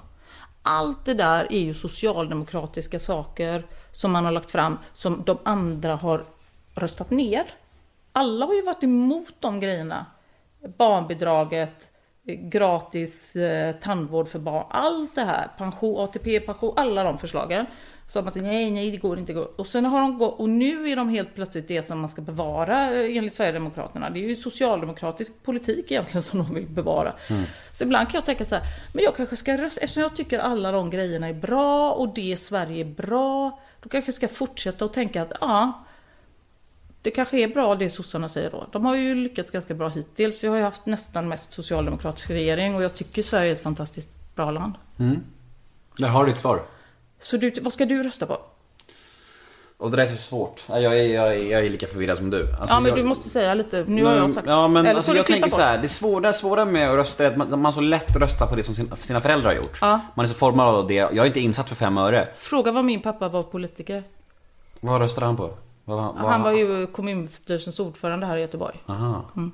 Okej. Och mm, det säger mig inte så mycket. Ja men då är man liksom högst i, vad, vad är man då? Borg, mm, kommunborgarråd Ja, ja. i Stockholm kanske? Han, men han, så han, han var höger? Han var socialdemokrat. Ja, så du fattar, jag röstar som min pappa i så fall. Ja. Ja, Jag, har, jag har röstat på Miljöpartiet senaste valen, men det är bara för att de heter Miljöpartiet. Mm. Alltså det är så här enkelt då, men alltså, jag vet inte, jag kan inte svara på det, tyvärr. Ja men lite, du måste ju veta lite, tycker jag. Höger är jag liksom... Jo men jag är absolut mer åt vänster, självklart. Du är mer åt vänster? Ja, ja, ja. Ja. Men jag är uppvuxen i ett hippiehem liksom, både kollektiv och så här. Så jag är, jag är mer åt det hållet. Men jag tänker så här ibland, Miljöpartiet, jag tycker Miljöpartiet är ett jättebra parti på många sätt, men det är också ett parti för alla som inte vill prata politik. För det Ja. är på något sätt, då, det är inte riktigt höger-vänster-skala, du behöver inte ta en debatt för det är lite så här, ja men alla vill väl ha en härlig miljö och rädda sälar. Alltså det är lätt, det är ett lätt parti att Ja, rösta det på. nog.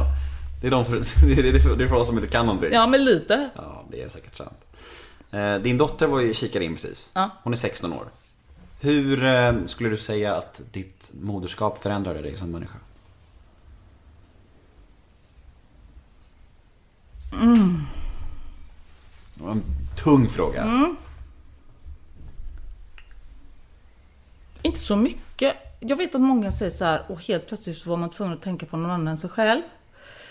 Eh, Du hade redan ett barn i Peter så att... Nej, men jag hade redan, tror jag, ett barn i min, den familjen jag kom ifrån. Jag hade väldigt mycket den rollen att se till att alla, alltså känna av vibbarna och få stämningen trevlig. Mm. Så att jag tror att jag liksom var, för mig var inte det någon stor grej att tänka, att behöva sätta någon annan först. Jag tror att jag satt min mamma först, min bror först, men min pappa först. Mm. eh, Liksom. Eh, Och, och, och alltid, alltså nu låter det så här, åh jag satt mig själv sist, men det har jag ju inte gjort. Jag har varit självupptagen och så som alla andra, men det var inte den stora grejen. Eh, hur har det förändrat mig? Jag, jag har fått kämpa väldigt mycket med... Eh, jag är ganska eh, orolig för att jag inte ska klara det här med, du vet när det ska vara, nu det, ska det vara matsäck med till skolan eller du vet när det kommer dagis, hon ska ha två likadana vantar och har hon regnbyxor och det är så jävla mycket sånt. Och jag har verkligen haft det så här, jag ska inte bli en sån där mamma som släpper iväg ungen med liksom för, för frusen eller för, för dålig mat. Eller, alltså, och det har ju tagit enormt mycket kraft av mig att kunna vara en mamma som kommer ihåg städdagarna och dagis. Alltså, det har ju ibland nästan varit så att jag inte har kunnat jobba för att jag har varit så liksom, jag är dålig på sådana saker egentligen. Jag har inte Mm. det naturligt kvinnliga att, att liksom hålla igång de grejerna. Utan det har fått, ja jävlar nu är det gympadag och åh nej och nu ska hon ha lucianat linne och fan har vi det. Alltså, det har tagit jättemycket kraft. Men samtidigt så har det ju varit en, någon form av lycka och ehm, Alltså hur det har förändrat mig som människa. Det, det, jag, alltså jag kan, det här är inte hur det har förändrat mig. Måste, nu måste jag tänka om det har förändrat mig. Jag tror inte det har förändrat mig riktigt. Men hur är du som morsa då? Skitbra tror jag. Tror du det? Mm. Mm. Jag, jag tyckte att få barn var en väldigt sensuell upplevelse.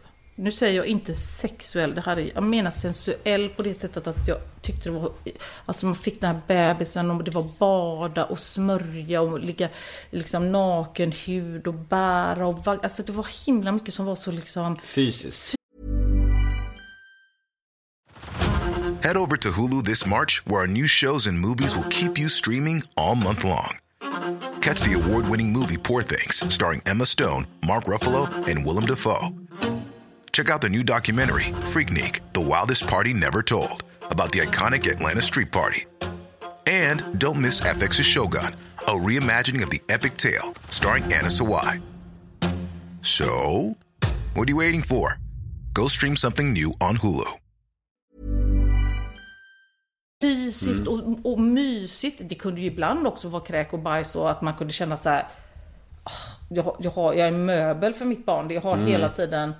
Och det är väl det som är jobbigt i relationen också. Att när man väl liksom, någon tar det barnet så kommer en man och vill ligga och, och, och, och spy på en också. Äh, men det är inte bara ungen som ska ligga och dregla så ska en gubbe göra Då känner man bara liksom nej låt mig vara i min kropp ett tag. Men jag tyckte att det var, och det tycker jag fortfarande det är så så härligt liksom. Jag älskar att köpa kläder till Olga och greja och jag vet jag tycker det är mysigt liksom. Det är något tjej, Vi, vi är ju ganska tjej, Det låter som vi ligger och ke- Att jag hånglar med min dotter gör jag inte. Men jag, jag, jag tycker det är kul. Och jag har alltid tänkt så här.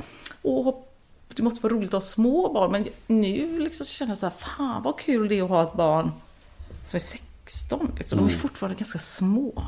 Man tror, alltså när man minns sin egen 16-åring så tyckte man ju att man var asstor. Jag tror att du kommer tycka att hon är liten när hon är 30 också. Det är, nog, det är förmodligen är det så. Det är väl det, det, man hör från folk. Att det kommer alltid vara ens lilla tjej liksom. Och, och jag är en ettåring liksom. Och jag, och jag tänker så här att när min dotter är 16, jag, jag ser ju på det som, som lite av en mardröm. Att ha en tonårsdotter, alltså du vet, att vara överbeskyddande och orolig. Jag tänker, jag, jag ser inte fram emot det i den aspekten. nej. Hur ser du på det här med att ha en tonårsdotter? Sköter hon sig eller har hon börjat dricka alkohol? Så här, Nej men alltså jag har ju fått typ Dalai Lama eh, till dotter. Alltså hon är ju bara som ett the love train som tuffar runt. Hon, hon, jag tror att hon började liksom svära för ett halvår sedan. Jag svär jättemycket, Peter svär jättemycket, Peter svär, alltså vi svär.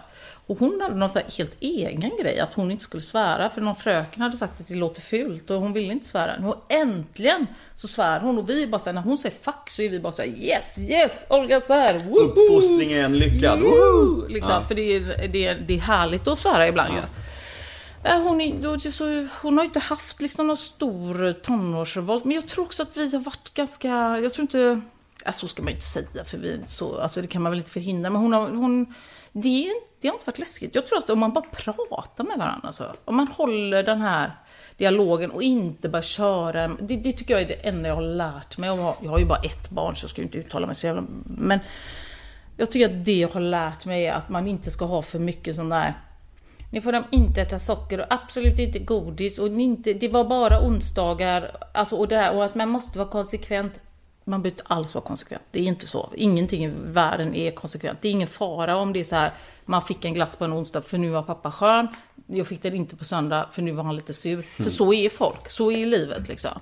Och att, det, att man lägger ner den här stressen. Hon måste sluta med blöjor, nu måste hon med det, nu måste hon med det. För de gör allt det där när de är mogna för det. Och enda skillnaden är att man börjar lite för tidigt så tar det längre tid tills det, de börjar, tills det händer. De kommer ändå inte göra det förrän de är tre. Men börjar man när de är ett man måste gå, alltså, Jag håller verkligen var med lite alltså. cool i de där grejerna så tror jag att ät go- alltså jag, just det här med godis, då tycker jag faktiskt jag har sett på lite Olgas kompisar när hon var mindre. Olga fick väl äta godis då och då, ibland sa man ja, ibland sa man nej och det var så här, ingen stor deal. Men det var ju vissa som hade så här sockerförbud hemma. Så kom de hem till oss, du vet. De var ju så galna, de var som getingar. De gick ju och letade. De kunde ju äta om en karamell låg på golvet för det var liksom så förbjudet. Alltså jag, jag tror att man också Det är jävligt bajsnödigt. Och, Ja, det är jävligt bajsnödigt just nu och det ska vara och det ska vara fullkornsvälling och det ska vara sånt och det ska... Det är samma med vår lilla liksom, så här, läkarna och barnmorskorna säger så här, ni måste göra så och så för annars blir det så och så.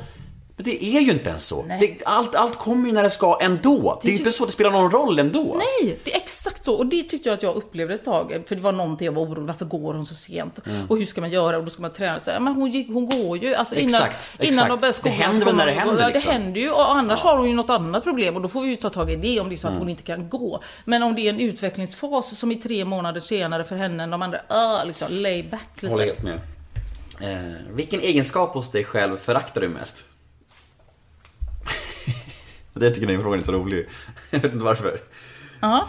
Så det är så kul med självhat tycker jag. Mm. Ja men gud, det är jätteroligt och det kan jag syssla med jättemycket. Men det är en egenskap, det är inte fysisk Nej. egenskap då, utan mer som... Ja, men något som du känner sig fan vad jag är trött på mig själv när du håller på med.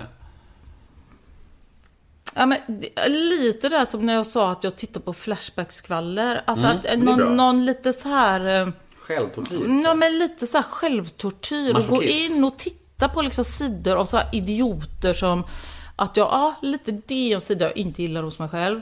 Och jag gillar inte riktigt en... Eh, eh, jag kallar det ju för mina still. Alltså att jag kan hamna i någon form av... Alltså jag är ju fan 55 år snart. Och jag borde liksom bara kunna ta mig typ och åka till jobbet och klä på mig och göra saker. Men jag kan liksom hamna i nästa dagdröm. Det vet, det kan vara så här. Jag tittar på någonting och helt plötsligt börjar jag intervjua mig själv på engelska och jag tror att jag är kirurg och hittar på liksom lekar i huvudet och du vet det är så här. Well, this patient was very hard because she had this heart eh, failure. Eller, du vet, och så är jag liksom inne i... en- Psykiskt sjuk kallas det. Ja. Jag, jag, det är en sida som jag inte Ja. gillar, att jag är psykiskt sjuk. Nej, men, och då kan jag hamna... Det är min värsta sida, min psykiska sjukdom. psykiska Nej, men att jag kan liksom... Att jag, att jag, att jag har så mycket dagdrömmeri. Det, å ena sidan är jättehärligt, för jag tycker om att vara i det. Mm. Men det är väl just det som gör att jag också kan missa gympapåsar och folk kom, Peter kommer hem och säger vad har du gjort idag? Mm, kan, det är svårt att säga när folk säger liksom, vad gjorde, "Ja, jag lekte att jag var en engelsk kirurg. Det är Ja, kul. Hjärtkirurg. Ja. Det låter som något som han skulle kunna garva åt också. Jo, men han, är väl, men han kan också bli trött på att jag bara hamnar... Du vet, titt, du vet hur man tittar bara rätt ut så här i, i en halvtimme. Alltså det föraktar jag. Och så föraktar jag att jag kan vara lite... Avundsjuk tycker jag är helt okej att vara. Liksom, att man är såhär, fan vad kul, ja, vad jag är avundsjuk på dig som bara är 30 eller som har en, en bebis liksom. Eller sådana grejer. Det är ju inte liksom att man... Men att jag ibland kan känna att jag kan bli lite liksom missunnsam mot folk som jag tycker får beröm, men så tänker man så här, men, men hon är ju inte bra. Alltså du vet, man kan ju tycka om folk som är bra får beröm, men ibland ska jag tänka så här, men hur kan alla gilla det här? Det, det är ju inte bra. Varför, Nej. får, varför, varför tycker jag, då, då kan jag bli lite, och det gillar jag inte hos mig själv. Att jag blir så här lite, Du sa i början av podden att du är ganska ångestladdad överlag. Ganska alltså, m- mörk person Mm, liksom. mm, mm. Vad har du för relation till ångest? Och liksom när i livet blir det alldeles mörkt? Och hur hanterar du det i sådana fall? Alltså jag tycker att det finns två saker. Dels har jag ju liksom någon form av panikångestattacker. Har varit mycket värre. I, några grejer sitter kvar. Jag kan ju till exempel inte köra bil på motorväg. Fortfarande? Längre, fortfarande. Ja. Aldrig? Nej. Vad händer då? Nej men för att jag fick eh, panikångestattack någon gång och sen skulle Ja. jag försöka göra så fick jag det igen och sen har det bara Alltså så fort jag bara när, närmar mig att Herregud håller jag på att köra upp på motorvägen nu Mm. så, så, så får jag ju liksom rent fysiskt börja- Alltså det, det, det är ju sån jag, jag fattar inte att det var en panikångestattack jag fick första gången det hände utan jag trodde ju att jag höll på att dö. Alltså att jag, Mm, gud jag fattar ju. Ja, det är ju så. Mm. För det är så, jag tror folk som inte har haft det kan inte förstå hur fysiskt det är det här. Att jag liksom, gud, jag svimmar eller vad är det, jag kan inte andas, är det hjärtat, vad är det, någonting och händerna eller surrar. Alltså så här, va? Så jag, jag trodde ju att jag var sjuk. Men, och det är ju ett jätteproblem därför att jag får ju hela tiden tänka när folk är så här, ja men då åker vi till Kungsbacka, då, då tar det bara motorvägen, det är det här om 10 minuter. Du bara Det går inte. Nej. Och då får jag vara såhär, eh, bil, antingen får jag säga såhär, nej jag får nog ta bussen för bilen har gått sönder. Eller så får jag sitta och tänka ut sån här små vägar som finns kvar. Du vet gamla vägen som gick till Mm, Kungsbacka. Så att fan. fyra och en halv timme att köra. Så det har jag haft, så den konkreta ångesten. Och ett tag var det så här att jag hade svårt att gå in i affärer. Och, ja men det var under en period. Men det, det är ju liksom en grej. Det är ju mer så här direkt panikångest. Men sen har jag väl ett ganska Eh, fan vad det här låter så jävla tråkigt, men jag har väl ett lite depressivt drag. Och det Mm. tycker jag nästan är värre. För en panikångest det är ändå en attack och det går över och sen kan man vara... Men när man går ner i den här lång... Gegg, sega, gråa geggan där liksom varje steg är som att gå liksom... Så här, du vet, som en ko som går i... Ja, men jag vet inte. Mm, jag fattar. Ge- Alltså så, så jävla segt och den hatar jag. Och det tror jag är tyvärr att jag nästan alltid har haft i hela mitt liv. Har Från du, och till. Har du medicinerat mot den? Ja. Gör du det nu? Mm. Vad käkar du för något? Jag har gått från Ja. eh, sertralin till något som är Funkar det bra? eh, Ja, jag tar inte så hög dos som de tycker att jag ska ta. För jag försöker hålla den på en lite... Jag försökte faktiskt sluta eh, förra sommaren. Eh, och det gick ju inte, alltså det gick inte så bra. Jag tänkte så här, nu ska jag fan inte hålla på. Nu ska jag liksom klara det här med motion och men du vet. Mhm. Men då tog det väl, det tar ju ett tag. För det är ju nivåer som sjunker långsamt ner. Ja, fy fan, det är svårt det där. Trappa ner och... Och själva nedtrappningen är ju outhärdlig för man får ju sån här flashad och snurrig och vidrigt var det. Men sen så, så tog det väl till, ja, när var det? Ja men februari, alltså det tog väl 7-8 månader så började jag ju man märker ju inte riktigt eftersom det går långsamt ner i depressionen. Men jag kände liksom när jag satt på eh, vi var på lyxigaste, lyxigaste hotellet i Köpenhamn, D'Angleterre, sviten vi skulle göra. Wow, på februarilovet, vi skulle göra grejer. Och jag bara satt liksom nere på frukosten. Och inte grät, alltså det bara rann hela tiden. Tårarna bara rann och rann. Och jag säger här, nu sitter jag liksom på D'Angleterre och gråter i evighet. Jag kunde liksom, jag bara grät och grät och grät och grät. Och kände så här, nej, jag får nog ringa doktorn. Mm. Och så började jag äta det här igen. Eh, Med medicin igen. Men du hade ätit medicin och s- men slutat. Mm, ja, både nu en period och sen även en period eh, i min tidiga vuxen ålder så åt jag också antidepressiva för typ åtta år sedan. Och då försökte jag, då slutade jag bara med dem tvärt. Fastän läkaren sa att det skulle absolut inte Nej, göra. ska man absolut inte Och det göra. gjorde jag och jag mådde fruktansvärt alltså. Det var hemskt. Nej, det är vidrigt. Ja, Det är vidrigt. Och man bara, hur farligt kan det vara? Ja. Du vet. Ja, faktiskt nästan hur farligt som helst. Ja, verkligen. Ja, ja. Det går heller inte att förklara för någon som har gjort det. Man blir ju helt alltså... Bara en konstig oro, så här, kryper i Ja, ja, kroppen. Ja, det är så jävla... det är sån riktig Ja, abstinensgrej. hemskt. alltså, jag trappade ju ner nu i somras men jag tyckte ändå det var jätteobehagligt. Vad har du för relation till alkohol? Eh, just nu har jag ingen nästan. Eh, jag har haft en bra relation tycker jag, tror jag. Mm. Kanske druckit för mycket men alltså jag har haft så här, alkohol har varit party för mig. Mm. Och jag har tyckt det varit kul eh, med alkohol. Och jag har också varit ganska noga med att säga att jag tyckt att berusning, inte jätteberusad, men att, att jag skulle inte kanske ha druckit vin och så, om man inte blir berusad. Alltså det är någonting med det när man öppnar, tar en drink eller öppnar vinflaskan på fredag med den lilla bass, alltså Mm. den lilla berusningen som jag har tyckt varit härlig. Ehm, och jag har väl liksom aldrig använt det som att medicinera med. Men, och just därför så, så tror jag att när min mamma dog eh, så, så var det ganska jobb, ja självklart jobbperiod. Hon dog väldigt, eh, alltså det, det var lite chockartat fort utan att vi förstod hur sjuk hon var.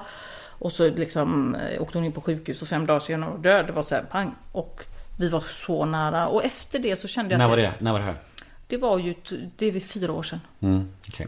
Eh, och då kände jag att jag inte ville dricka, för jag kände att jag ville inte dricka i sorg. Jag kände att jag var just ganska liksom ångestladdad och lite, har varit lite deppig och lite låg. Och, så jag har inte kanske på fyra år druckit så mycket Nej. alls. Men innan det har jag druckit säkert var, nästan varje helg. Att det varit så här, det är fredag, ska vi, köper du hem lite vin, ska vi ha vin sådär. Mm. Och, och jag har varit stått på krogen, alltså när jag var yngre och druckit shots och drinkar. Klackarna i och taket. Klackarna i taket, dansat på barer Mm. och, och hållit igång så fan faktiskt. Mm. Men då känner jag, det, det tänkte jag på med dig som inte dricker. Nu, jag har kommit fram till det att jag nu dricker ett glas vin av ren plikt. För att det blir så jävla tjat annars, känner jag. Och, och att jag tycker det är så jobbigt. Och jag har ju inget så här att jag, jag, jag, jag. Anledningen till att jag inte dricker är ju inte att jag skulle åka dit eller alkoholist Nej, nej. eller är gravid eller något. Så jag kan ju dricka ett glas Ja. vin. Samtidigt kan jag tycka det är skönt att inte göra det och kunna köra ta bilen och sådär. Men jag tycker att det blir så här, men kom igen, vad är det med dig? Och det är ju inte roligt med det längre och du dricker ju inte. Varför dricker du inte? Ska du inte ha bara lite? Alltså, Så jag, jag, jag tar ofta så ett glas och sen så fejkar jag bort att jag inte dricker mer. Jag tror bara i Sverige som det är den där hetsen. Men det är något otro- Jag har aldrig tänkt på det innan. jättemärkligt. Det är att man ska behöva förklara för folk. Varför det? Det är Mm. jättemärkligt alltså. Som att det är normen att dricka. Fast det, och jag tror bara det är så i Sverige. Det är Och jag har nästan tänkt jag ska fan säga så här, varför, men varför dricker jag? Jag är alkoholist. Nu Mm. är jag ju inte det, men alltså bara för att liksom BAM! Säga något, sluta Mm. tjata. Och det kan väl också vara, ibland dricker jag, ibland dricker jag inte. Alltså hur... Mm. Vi skojade lite om det i början, det här med droger. Hur Mm. är din relation då? Om vi ska vara seriösa för ett Mm, ögonblick. mm. Både nu och rent historiskt sett. Alltså gentemot droger. Har, Mm. du, har du varit aktiv med några droger någon gång? Alltså jag har ju provat, men jag har absolut inte varit aktiv med droger. Nej. Nej, nej, då, då, nej. Nej. Det kan jag inte säga. Nej. Ett ord om. Jag säger fem stycken svenska kändisar och du ska säga det första ordet som kommer i ditt huvud när du hör namnet. Ja. Ett ord om Alex Schulman. Åh, varför tog du honom? Det här var många ord. Ett ord. Kluven. Marcus Birro. Eh.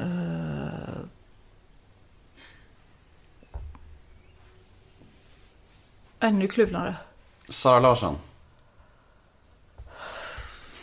Kluven eller? Ja, Det är kul om du säger kluven. ja, kluven. Jimmy Åkesson. Super... Nej, jag är inte ens kluven. Okluven. Okluven. Fy fan vilket bra ord. Okluven. Vad betyder det ens? Att man inte är kluven. Jag är en okluven person när det gäller honom. Jag, nej, ja. Leif GW Persson. Kluven. Jag borde döpa om det segmentet till kluven eller okluven. Ja, det är ju väldigt roligt. Ja. Eh, avslutningsvis så ska vi bränna av några lyssnarmail. Mm. Eh, faktum är att första mejlet var faktiskt så här. Hej Anna, berätta om den plågsamma historien om de ringde från eh, Dilo. Doobidoo, doobidoo. Jaha, Så den har vi redan den har vi ju gjort. av. Ja. Doobidoo hette det. det var jag sa fel. Nej, jag sa Diggiloo tror Du jag. sa Diggiloo. Ja. Vad heter det? Doobidoo. Doobidoo. Ja. Veckans brev nummer två. Mm. Hej Anna. Jag hör att du, tack, att du tackat nej till både Let's Dance och Mello. Varför och hur mycket pengar erbjöd de? Hur resonerar du överlag kring vad du tackar ja och nej till? Ja, det var en bra fråga. Jag kan inte återigen då säga pengar, för vi har aldrig kommit så långt Nej. i de diskussioner som vi diskuterat det, vare sig på Mello eller på Let's Dance. Let's Dance. Eh, det handlar nog, jag har sagt nej till enormt mycket, speciellt TV, enormt mycket TV. Och TV-lekar så här, eller? Ja, fortet. fina Aha. programledarjobb Mm. liksom så. Ja. Eh, ja men Hålla Mello är ju jättefint. Eller liksom så. Eller stora, stora programledarjobb. Eh, och mycket för att jag är feg, tror jag. Jag är Mm. feg. Att jag tänker det är, bättre att hålla min lilla grej än att göra bort mig totalt. Liksom. Så dels finns det en, en ren feghet i Mm. det. Och sen är jag en nej-sägare. Alltså jag borde verkligen inte gå en kurs där jag lär säga nej. För jag säger, min, min, min grund reaktion när folk kommer så här, vill du, vill du göra det? är Nej. Ehm, Så inte här, min podd. nej. Nej. Men jag tränar ju nu. Och då är det här liksom ett lagom steg att ta. Mm. Eh, Mello kände jag liksom att nej, det är död. Alltså det är sådana här projekt. Jag är en hemmarotta och det är samma sak med Let's Dance. jag tyckt varit lite kul för att jag, är det någonting som jag är lite, lite bra på så är det att dansa. Är det så? Ja. ja. Jag, jag går faktiskt och dansar på söndagarna på en så här street hiphop. Det sa ju du. För äldre. När Ja. vi skulle boka Mm. podden så Ja, var det det. någon gång du bara, nej kan inte då. Ja, jag dansa. street dance med kör- tanterna. Ja, då kör jag street Och så, så det hade varit jättekul att prova, men jag vet inte om jag vill göra det i TV. Alltså förstår Nej. jag, hade gärna gjort leken. Men jag vet inte om jag vill bli filmad medan jag gör den. Och sen är ju de här, de här programmen, det är ju sådana projekt, alltså du är ju hemifrån. Ska du vara med Mello, det är ju inte bara liksom att åka runt i de här olika, Härnösand och Stockholm och äh, vad det är.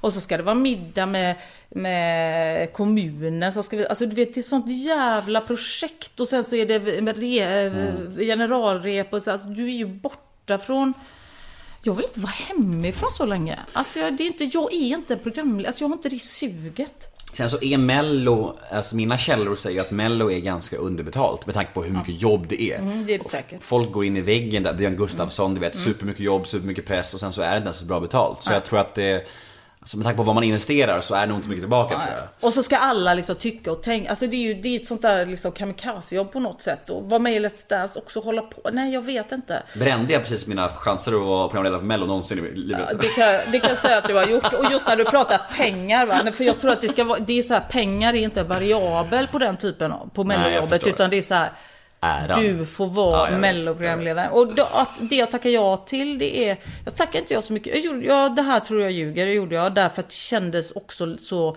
lite så här, mm, Fredrik Lindström, Johan Glans, Schyffert. Och så kände jag så här, fan vad rätt med tant liksom. Mm. Tant, Ja men liksom en äldre, ja men du, om du tittar på TV så det finns ju GV och det finns Ingvar Oldsberg, men det finns inte så många kvinnor som är Nej. över, alltså det är inte så, och då kände jag, det är fan rätt liksom. Det ska, Mm. det ska finnas en, en äldre dam. Veckans brev nummer tre. Hej Anna, vad tycker du om dramat kring Ingvar Oldsberg och Lasse Kronér kring metoo? Ja, då tänker jag så här att jag tror inte Ingvar Oldsberg egentligen är en metoo-grej. Eh, Om jag ska vara ärlig. Ingvar. Oldsberg tror jag inte blev anklagad för någon kvinnoförnedring utan det tror jag bara var allmän förnedring De bara buntar ihop det. Ja, av, Mm. av människor. Så. Jag tycker det där är jättekomplicerat. Ehm, eh, jag tycker det är vidrigt när folk hängs ut på det där sättet. I, på fe- alltså när det inte, jag, jag tycker man ska dömas liksom av rättsprocess och sådär. Samtidigt så kanske man det drog ju igång någonting jävligt bra, eh, hela metoo-grejen också. Jag menar inte att det är värt det. Jag, jag tror att jag tror att både Lasse och, och Oldsberg har varit ganska bökiga arbetskamrater. Men det får man ju vara. Man får ju vara ett svin. Liksom. Det får man ju vara. Det är inte brottsligt. Du kan vara otrevlig på din arbetsplats. Det är Mm. inte ett brott. Så är det trots allt. Men, eh, och, så, och det tror jag liksom har väl varit med med Ingvar Oldsberg, att han har varit... Det här med Lasse, det vet jag inte. Det är ju uppe i rätten väl? Och han har Mm. blivit friad och då är det också viktigt. Är han, är han friad så, så tycker jag också det är viktigt att man är friad. Alltså, jag, jag, jag, så är det Man jag håller får- helt med. Alltså, Ja. alltså vi har ett rättssystem Ja. och liksom vad fan, kom igen. Jag delade, delade faktiskt Lasses eh, inlägg häromdagen på Facebook. Jag tycker det var väldigt fint skrivet också. Det är så här. Om vi inte ska gå enligt rättssystemet, då havererar ju allt. Då, Mm. liksom, då, Ja men så är det. Vi har ett rättssystem och vi har liksom det är åklagare, det är försvarsadvokater, det är ett system vi har och vi har fängelser och du kan få olika straff och det är hit och dit och du döms till det. Men man kan också bli friad och man kan också avtjäna sitt straff. Och fine med det och jag tycker liksom, och det tycker jag gäller alla från liksom små grejer som kanske Lasse Kronér var, till Akilov som nu döms för terrorbrott. Han ska också ha en försvarsadvokat och det ska också göras. Mm. Även om folk tycker liksom, spärra in honom på listor. Ja, han kommer säkert få livstid. Men denna process måste göras. Mm. Det, är enda, det är enda chansen att ha ett samhälle som funkar. veckans brev nummer fyra. Fan vad jag blir liksom lite politisk här. Ja, det är bra. Det, du behöver det tror jag. Mm. Hej Anna. Vem tycker du det var härligast att bli intervjuad av? Kristoffer Triumf eller Nemo?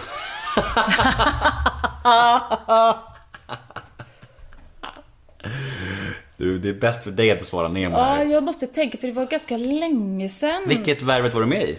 Ja men vilket? Det med Anna men alltså, vad sa du? Det med Anna Ja men hur, när var det i tiden? Ja, men det var länge sedan. Det Mm. måste ju vara fyra år. Eller hur länge har du hållit på? Eller jag vet inte. Säkert fyra, fem år. Ja, men tre, fyra år sedan kanske. Ja. Hur minns du det?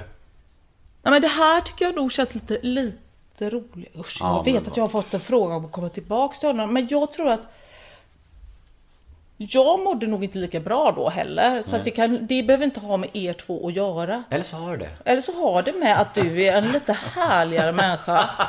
Och triumf, så det vet bra. vi. Triumf är lite stiff. Let's just leave it there. Mm. Eh, femte och sista brevet. Hej Anna, hur var det att förlora bror och eh, förälder men ändå stå på egna ben? Lite konstigt, konstigt formulerat, Mm. men Mm. bror, jag visste inte det. Jo, min storebror dog.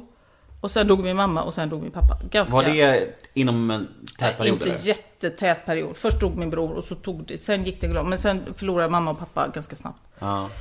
Eh, det som är, känns konstigt med det, förutom sorgen naturligtvis, att man saknar storebror, man saknar mamma något kopiöst. Mamma är nog den som jag saknar för henne var den som var allra tajtast med mig, men jag saknar ju eh, och pappa. Ja. Men men förutom sorgen så är ju den här grejen att man eh, jag känner att jag inte har liksom något vittne till min barndom längre. Mm. Alltså det här som hände när jag var liten. Alltså Peter vet ju inte det, mitt barn vet ju inte det. Minnena dör ut. Minnena, du vet vad, Mm. innan skulle man ringa mamma. Det är ju det där när vi var på landet, vad hette det där stället Mm. vi var till? Eller man kunde prata med sin bror, kommer du ihåg när vi alltid lekte i bäcken där? Eller du vet. Att det som nu finns inte det, för det finns ingen förutom den liksom familjen som inte finns längre. Och då kan jag tycka så fruktansvärt synd om mig själv och tycka liksom, det är ingen som kommer att komma ihåg Skårskolan och Köstersröd och bäcken och stigen och nall... Ja men du vet. Mhm. Men så tänker jag så här, det här händer ju alla. Liksom. Mm. Kanske inte så tätt som det gjorde för mig eller så liksom så, men, men ja, förhoppningsvis har man kanske sitt syskon kvar längre än vad jag hade. Det var ju lite oturligt. Men nu är det liksom bara jag kvar i min...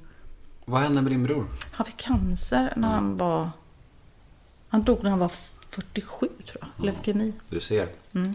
Ja men så att jag... mm, Och jag kan säga också så här konstigt. Jag har ju varit en människa som oroat mig för allting. Och jag oroade mig ganska mycket för min bror. För han levde ett, ett, eh, ett frejdigt liv. Alltså du vet, jag var rädd att han skulle köra ihjäl sig. Han, han körde för fort, han levde för fort, han partade för Mm, fort. mm. Eh, och jag kunde se liksom hur många scenarier som helst som jag var orolig för honom för. Och så kommer liksom det man är orolig för, för att helt, det fanns inte i mitt liv att han skulle få cancer. Nej. Alltså av allt jag hade tänkt skulle hända, så var det inte det. Jag hade varit jätteorolig för honom, men inte för det. Och det var lite bra, ska jag inte säga. Det var verkligen inte bra att han dog. Men jag tänker för min oro, eftersom jag är en väldigt orolig själ, så kan det vara lite bra att förstå så här, det hjälper inte vad jag oroar mig för, för det kommer fan att ta mig i nacken på något annat Mm. sätt ändå. Och det gjorde det ju verkligen med Joakim. Eh, det var liksom, jag har varit så orolig för honom på andra sätt, men inte att han skulle bli sjuk. Var ni tajtare? Nej. Nej. Men jag älskade honom och det var min storebror, jag såg upp till honom och när jag var liten och så, men vi levde jätteolika liv liksom. Du, vi börjar bli klara. Kan vi inte sluta roligare än i död då? Kan jo, vi inte, men vi du kan, faktiskt hitta det. på vi ett brev till. Vi har en punkt som heter drömmar och framtid. Ja, Mm, vad har du i pipen? Vad, men- framöver? Vad, vad är då, på G? då är det på G. Att du, så, när du tittade upp här i min trädgård, Mm. så liksom precis nedanför den här lilla haciendan behöver jag, så håller jag på med liksom att ta fram berget som har varit under gräsmattan och ska liksom plantera något stenparti. Och nu har jag varit på Garden Center och beställt purpurklätt, lammöra, vintergäck, en massa grejer som ska på. Så jag bara hoppas att de ringer nu och säger att det har kommit och så ska jag plantera i slänten. Yes! Och det är en sån... Mm. Och om du tittar på de här tulpanerna här, här va? Mm. Så kan man tycka, vilka Fantastiskt. stora fina tulpaner va? Ja, verkligen. Så jag går och klipper i min egen trädgård och då får jag lön för att jag var ute i oktober i regnet och petade ner lökar och benmjöl och gräs. Och nu blommar det. Och du ser, Mm. du fick också avsluta lite gladare. Ja, nu blommar det var mitt sista ord. Fantastiskt. In och följ Anna Mannheimer på Instagram och lyssna på din... Eller inte, för jag lägger, är så dålig på att lägga ut grejer på Instagram. Okej, ja, men lyssna på din podd.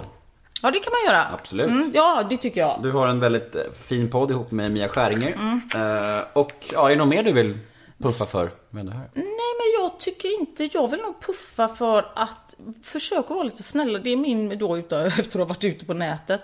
Alltså, var inte så jävla arga. Försök... Jag tänker så här. Se lite hur, hur världen ser ut. Va? Om man... Det hon egentligen säger är att gå in på hennes Flashback-tråd och skriv något snällt. Det är det hon vill. jag har ingen... Gå in och skapa en Flashback-tråd till Anna. Ja, nej, Det är det hon vill. Nej, det vill jag inte. Jag vill säga så här.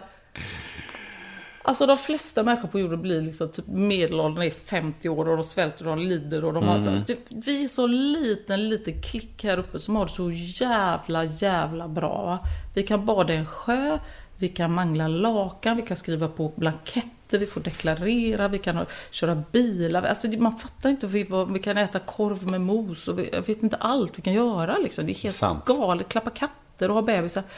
Då tänker jag bara så här, istället för att hålla på och liksom bråk, njut lite. Mm. Jag tycker det är ett par bra sista visdomsord. Njut av livet. Tack Anna Mannheimer. Hej då!